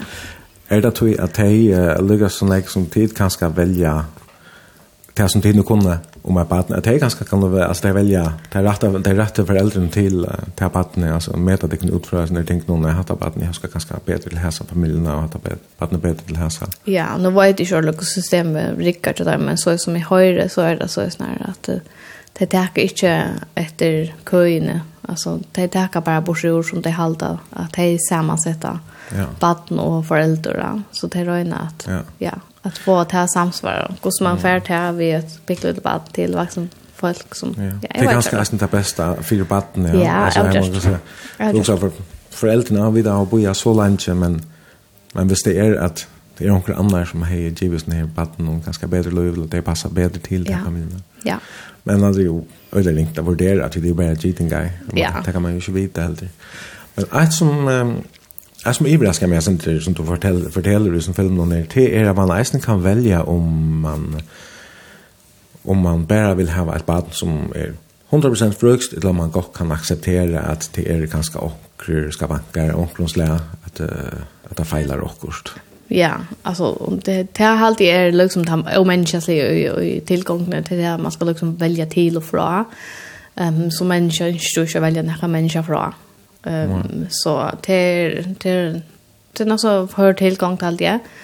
Eh men i papper nu så så krossar du av om du helt rabatten kan ha vankrar fiskar troplikar eller salader det sociala vill alltid vara. Det är ju torra bakgrund här det kommer från så det det ska man godkänna. Ja. Ehm och för inte så är kött. Ett fruktspad som det blir lågt så lite eller så. Ja. Men allukall føles det syndra om människa sitt att jeg sorterer fra. Det kan nästan vara att det är onker som gärna vill hjälpa en som hever ordentlig jeg bruk för hjälp. Som, ja, det, som det er krossa mer av en, en er, er det så jeg snakker vi til at uh, jo mer at du kan akseptere, jo styrtere bøyetøyen eller noe sånt? Ja, alltså, ja, jeg halte det, ja. Tror att at uh, alle bötterna som du vet inte vara valt att ha typ ha som sjön jag måste konkurrera så. Mhm. Det är väl nästan inte åldersmark för hur så kommer button när man blir bara liksom. Ja, alltså det sen också alltså gå till touching på på runt center eh upp till 6-13 månader som är upp till 3 år då. Ja. Att button kunde vara. Ehm ja, och så vill man kanske undras hur är det så långt jag boja, hur har vi boja så långt att det är ganska näckbött som, som tror jag hjälpa. Ja. Men i halde det er sin det samme system, det var her forrige når vi ikke har fikk liksom spørs med fire sender og kvitt av hver så langt, og det er sånn en tilgang av nekken papirum som skulle godkjennes, og juristisk skal det også være leie. Um, og så er det også at uh, man, man innskjer alt og bästa förmån av föräldrar och barn här samman så hvor föräldrarna foreldrene AH AHA av badenhøymen, alltså ehm så får jag vara på att inte sända ut det. Alltså, och kanske barnet blev fem år så mycket eller kvar med mamman och pappen och nu har det ångan, men nu passar det inte in och i papurna inte nökna åkorna. Och så är det liksom personer sönder i systemet och ett la. Jag var ju kör och kvar det här efter det. Kan inte bara för att det har kört så läsna. Men till vidare alltså då? faktiskt de vida är ju nu än det gör det att det blir och Nej, och det är nästa spyrja nu när vi är där och ja. sort men man man var ju alltså jag var ju inte vi färra färdas nu vi febrar manna och vi färdas inte länge så jag har liksom sport med fyra är det läge ett lavert att vara ett för att pejla med sin drin och på andra sätt fick jag veta att här var här bara telefon och mail tökt. Ja. Okej. Okay. Okej. Okay. Ja. Det som du Enda enn den her filmen så der av Instagram vi, det er uh, at hula ja iver uh, alternativa møvlegar uh, avbjørngar i samband vi uh, lovgavna og i følgen og hvor man ikke kan ganske atleie et førespaden. Ja. Det er um, faktisk at et, et rettelig av og verst evne i alt det som vi har det har vi hørt når grann tog som vi visste helt ikke av at, at lovgavene er så som hun er. Men i färgen bäras bara till att ha var barn i pleje. Ja, alltså det bär bara till att ha ett barn i pleje och som har sambär vid föräldrar, pappa eller mamma och fyrskvän det här. Så så sen kan man hjälpa barnen här hemma i bästa förmån och så ja, och så kan man spela sig sjön kvar vid det kök och kunde det se hemma eller så. Jag var gott det är sånt, lite för små förhåll och Og det er sånn det ringt, og jeg er helt rundt ser for en grunn, men jeg er godt om jeg har hjulpet noen her hjemme, og ser for hver og de har jeg ikke til. Nå har vi valgt det som jeg har valgt, og ikke mer til andre, men, okay. men jeg vil det. Ja, og du har selv prøvd å ha haft et pleiebaden hjemme til her, da du var baden, altså foreldrene til her hadde baden i pleie? Ja, og faktisk så har vi en drønge som var pleie til åkken, og det var... Det var avbjørende, og jeg vil si, jeg kan bare snakke ut fra tog, men uh, det, han har nekvar avbjørngar og dotte gudlem som middel skola og atløyde og dotte ikke døyla og det var forskjellig så han manglet i meg som ja, måneder for mangler um, og så skulle han sutja mamma sunna som kanskje var ja, jeg vet ikke hvordan man sier kanskje ikke hei så gode forløkker at, at jeg vann han Ehm um, och kvar från så mamma som så gjorde han stora artister och gjorde forskjellige sort in jocken som man vann det inte gör och så här på att göra. Ehm då är det alltså inte såna värst kvar man inte för in till kvarst en stack barn och liksom loader och därifrån stäng för man ser heter han då för att ta det i skär att lever ju inte som korv. Nej. Og det er jo nek, eisen i færgen som ikke mekner at, at her var sånne egne bød. Altså. Ja, så må trønge til avlasting og, og få hjelp herfra, og det er så sånn det er er hese møvleggen gauer. Ja. Men tja som hun er da, er foreldre i misbruket og så, så, så, så er det kjørt rett at man skal sørge sine mamma eller pappa som sitter her, og, og, ikke for, for jeg vil til stier. her. Ha? Ja.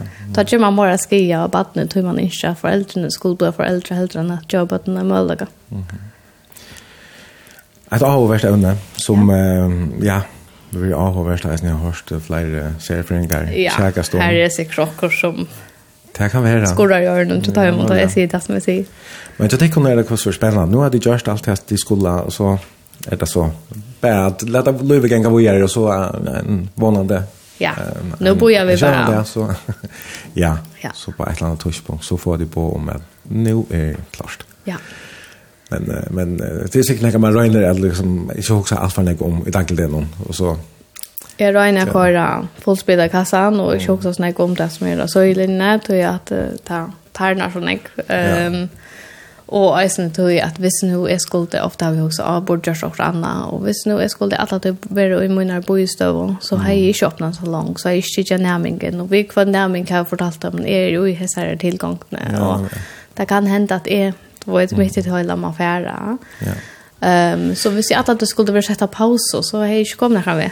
Ja, då det här alltså finns ju luft och det i mitten då vart mellan annat att jag ska alltså i England och tog och ska ja. Ja, vi var i England bort som vi gå oss vi förläs vi journal till och för att alla jag följde att nu har jag brug för att göra ett utbrott som, ja. som ville näka och varför med och inte det här huxar ju om att lämna runt om och kvarspar på mig ett la baden ett la eller allt möjligt så mm. ta för förra mannen till London och det var det jag go to i här lärde det han Ja. Och jag snur upplevde att han just bort I don't want you but det här är mig all aldrig men väl hackre än han. Jag fortalte ankron att det var gång vi att det bara ha to så ung och det är helt helt under mättan än här hemma. Ja. Jag hållt att säga att Medelalderen i, i England är 60 vi är för ja, han ligger här om, ja. ja. Så Her, ja. her er vi hei du så går. Her fallt jeg som jag fick Ja. Jag var ikke fri og så ikna. Du resten väl trutcha för vi Rinkeby och cykla. Det här jag har haft nära samband vid det her, at du gjerne vil det lukka som rensa ut i hött någon system någon eller Da jeg sa Rynkeby för så hette det så mega spännande och tar til förstan og jeg var vi nästa år. Og jeg halte bare at jeg er nok så forviden, og man damer vel alt sånn nudge ting, og man damer vel å være aktiv, og så er det sin sånn sånn, leipi bare ui da. Alt er utkjent at jeg leipi bare ui, og så satt jeg på at det gjør å gå av mynd og ikke øvåt. Og så ble jeg bare totalt biten, og så han Peter kom vi, han var mekaniker for stare, og så har vi bare sykla um, 2017 årene, og Rynkeby er noe helt særlig og at det kommer ordentlig under hodene, tror jeg. Ja. ja. Og ta samband som du har vi til folkene her, ta, jeg vet, ta ble vi av være, og ja, du kan også mynda der holdt trus, du vet, um, kanskje kan man si at damp åt folk som setter seg av en sykkel, og stått litt det er faktisk, mm. og energisk. Ja. Ja. Ja, og du var så tru år, ja, 15, 16 og 16. Ja. Ehm um, och så Ajan For fortid uh, en tur vi uh, Solovang, som er dansk cykelfella. Ja, det er en hjelperfellesskaper til uh, bøtten vi drobløkken. Er det julemerskenfonden ja. som, som er stola over oss ned? Ja. ja. ja. Um, ta for vi, uh, vi var og fyre fargen som for og jeg, og så han Peter, og så Alfred Hommeland og Edna, konan. Mm -hmm. Vi uh, var tror jeg sykla, og hun meldte seg til, til servicelige. Servicelige er det som gjør mat og ordner forskjellig, kåre koffert og det ja. som man annars skal ha vi.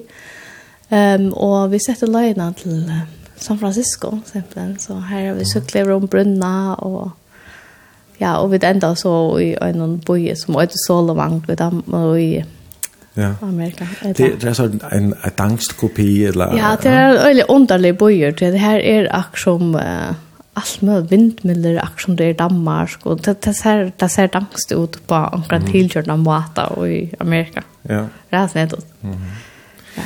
Ja, men det går väl till cykla vi alltid du säger 130 km om dagen i tjej det är så Ja, och det var det är som det tröttar på innan Ja, och man cyklar ut motor som ett långt om Mm. Nya medeltrö och och man gör det och så för man ser allt möjligt av en det är fantastiskt. Vi får att uh, läsa några att han många hälsar som är komna in nu Men eh att jag vill dyka vi skulle spela Abroad on Sanchez Kvosver och da jeg kom til Paris vi uh, Rönkeby. Så får det ofta Onkel Luttle utförde här eller kanske en konsert och så var jag och en av de banden som spelade här det var Coldplay som spelade yeah. Tino Ja. Och här var det tid och, och lufta av. Vi har lufta av Coldplay och färre efter i sommar. Och en av prövade som är Beyoncé och föräldrar. Vi gänga fast något snäck till konserter. Det har damer också väl. Och Coldplay är avgjort en av min favoritbalkon. Mm Og det er sikkert tøyde hun valgte noen her, sangen. Best sangeren. Something just like this. I've been reading books of old The legends and the myths Achilles and his gold Hercules and his gifts Spider-Man's control And Batman with his fists And clearly I don't see myself upon that list. But she said, where'd you wanna go? How much you wanna risk? I'm not looking for somebody with some superhuman gifts Some superhero, some fairy tale bliss. Just something I can turn to, somebody I can kiss. I want something just like this. Do-do-do-do-do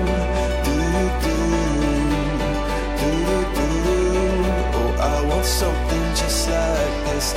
Ooh, ooh.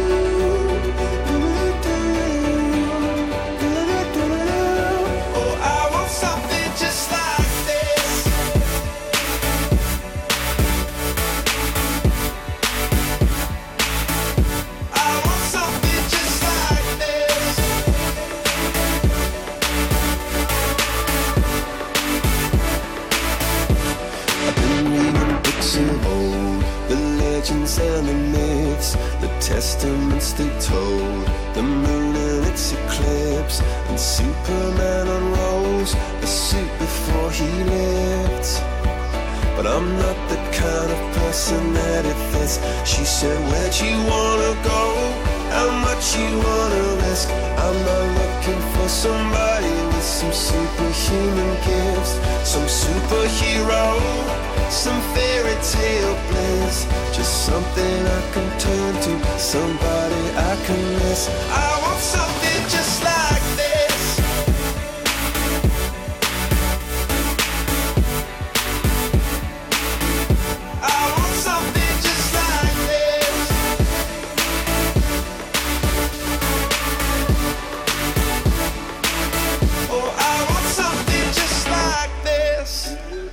Vi tar lort etter Coldplay saman vi The Chainsmokers og Sanchenon Something Just Like This.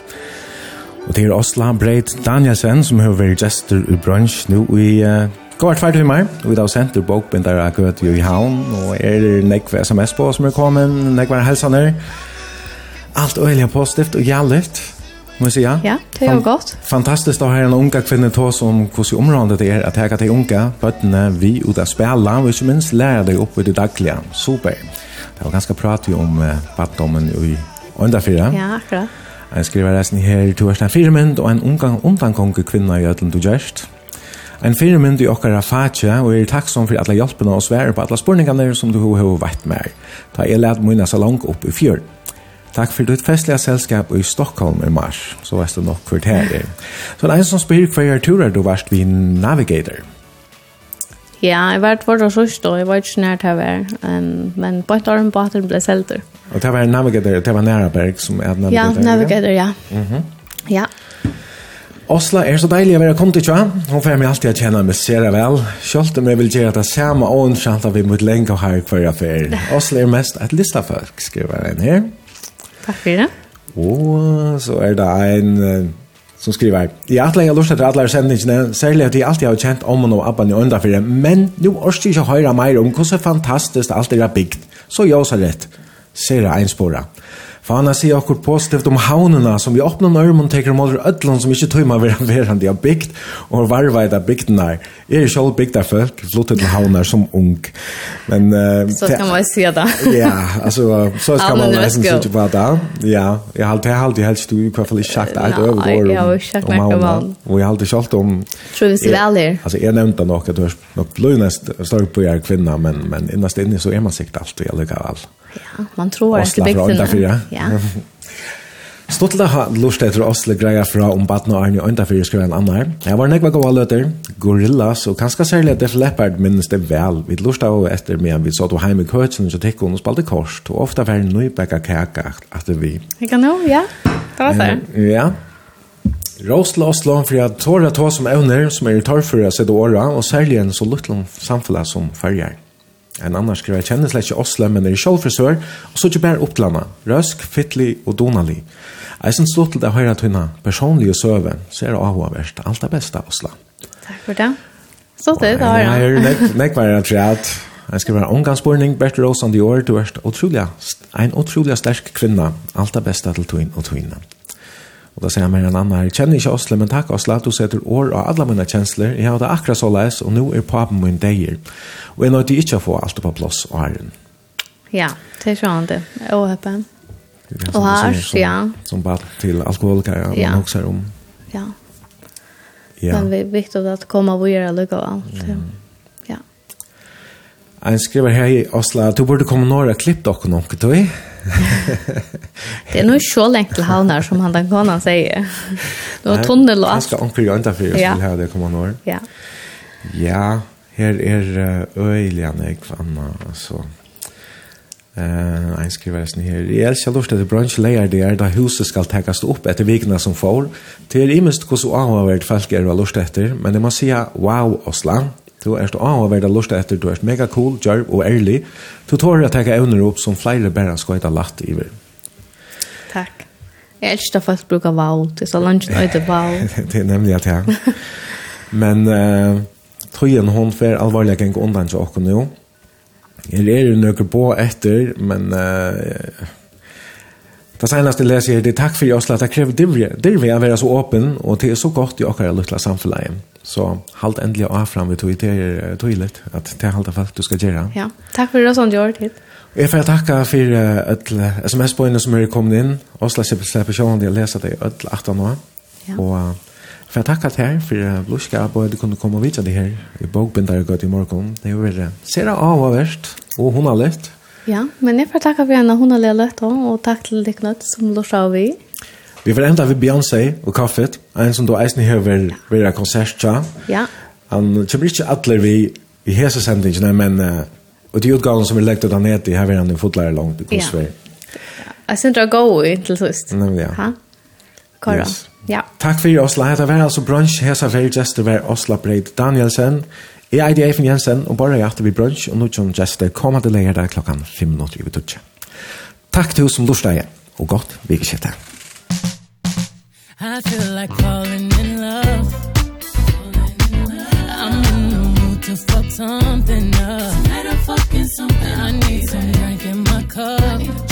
Hey I'm in the mood to fuck something up. I'm in the mood to fuck I wanna go missing. I need a prescription. I wanna go higher. Can I sit on top of you? I wanna go where nobody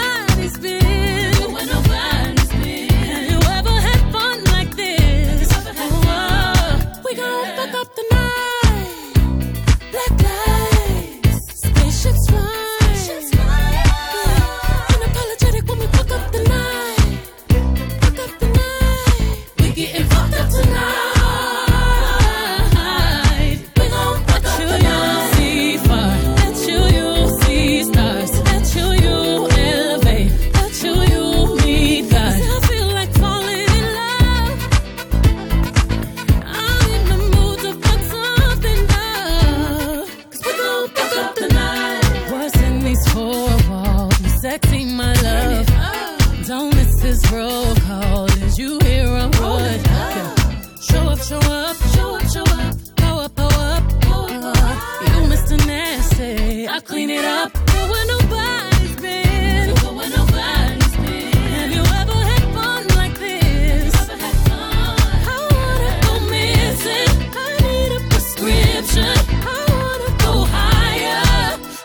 on top of you. We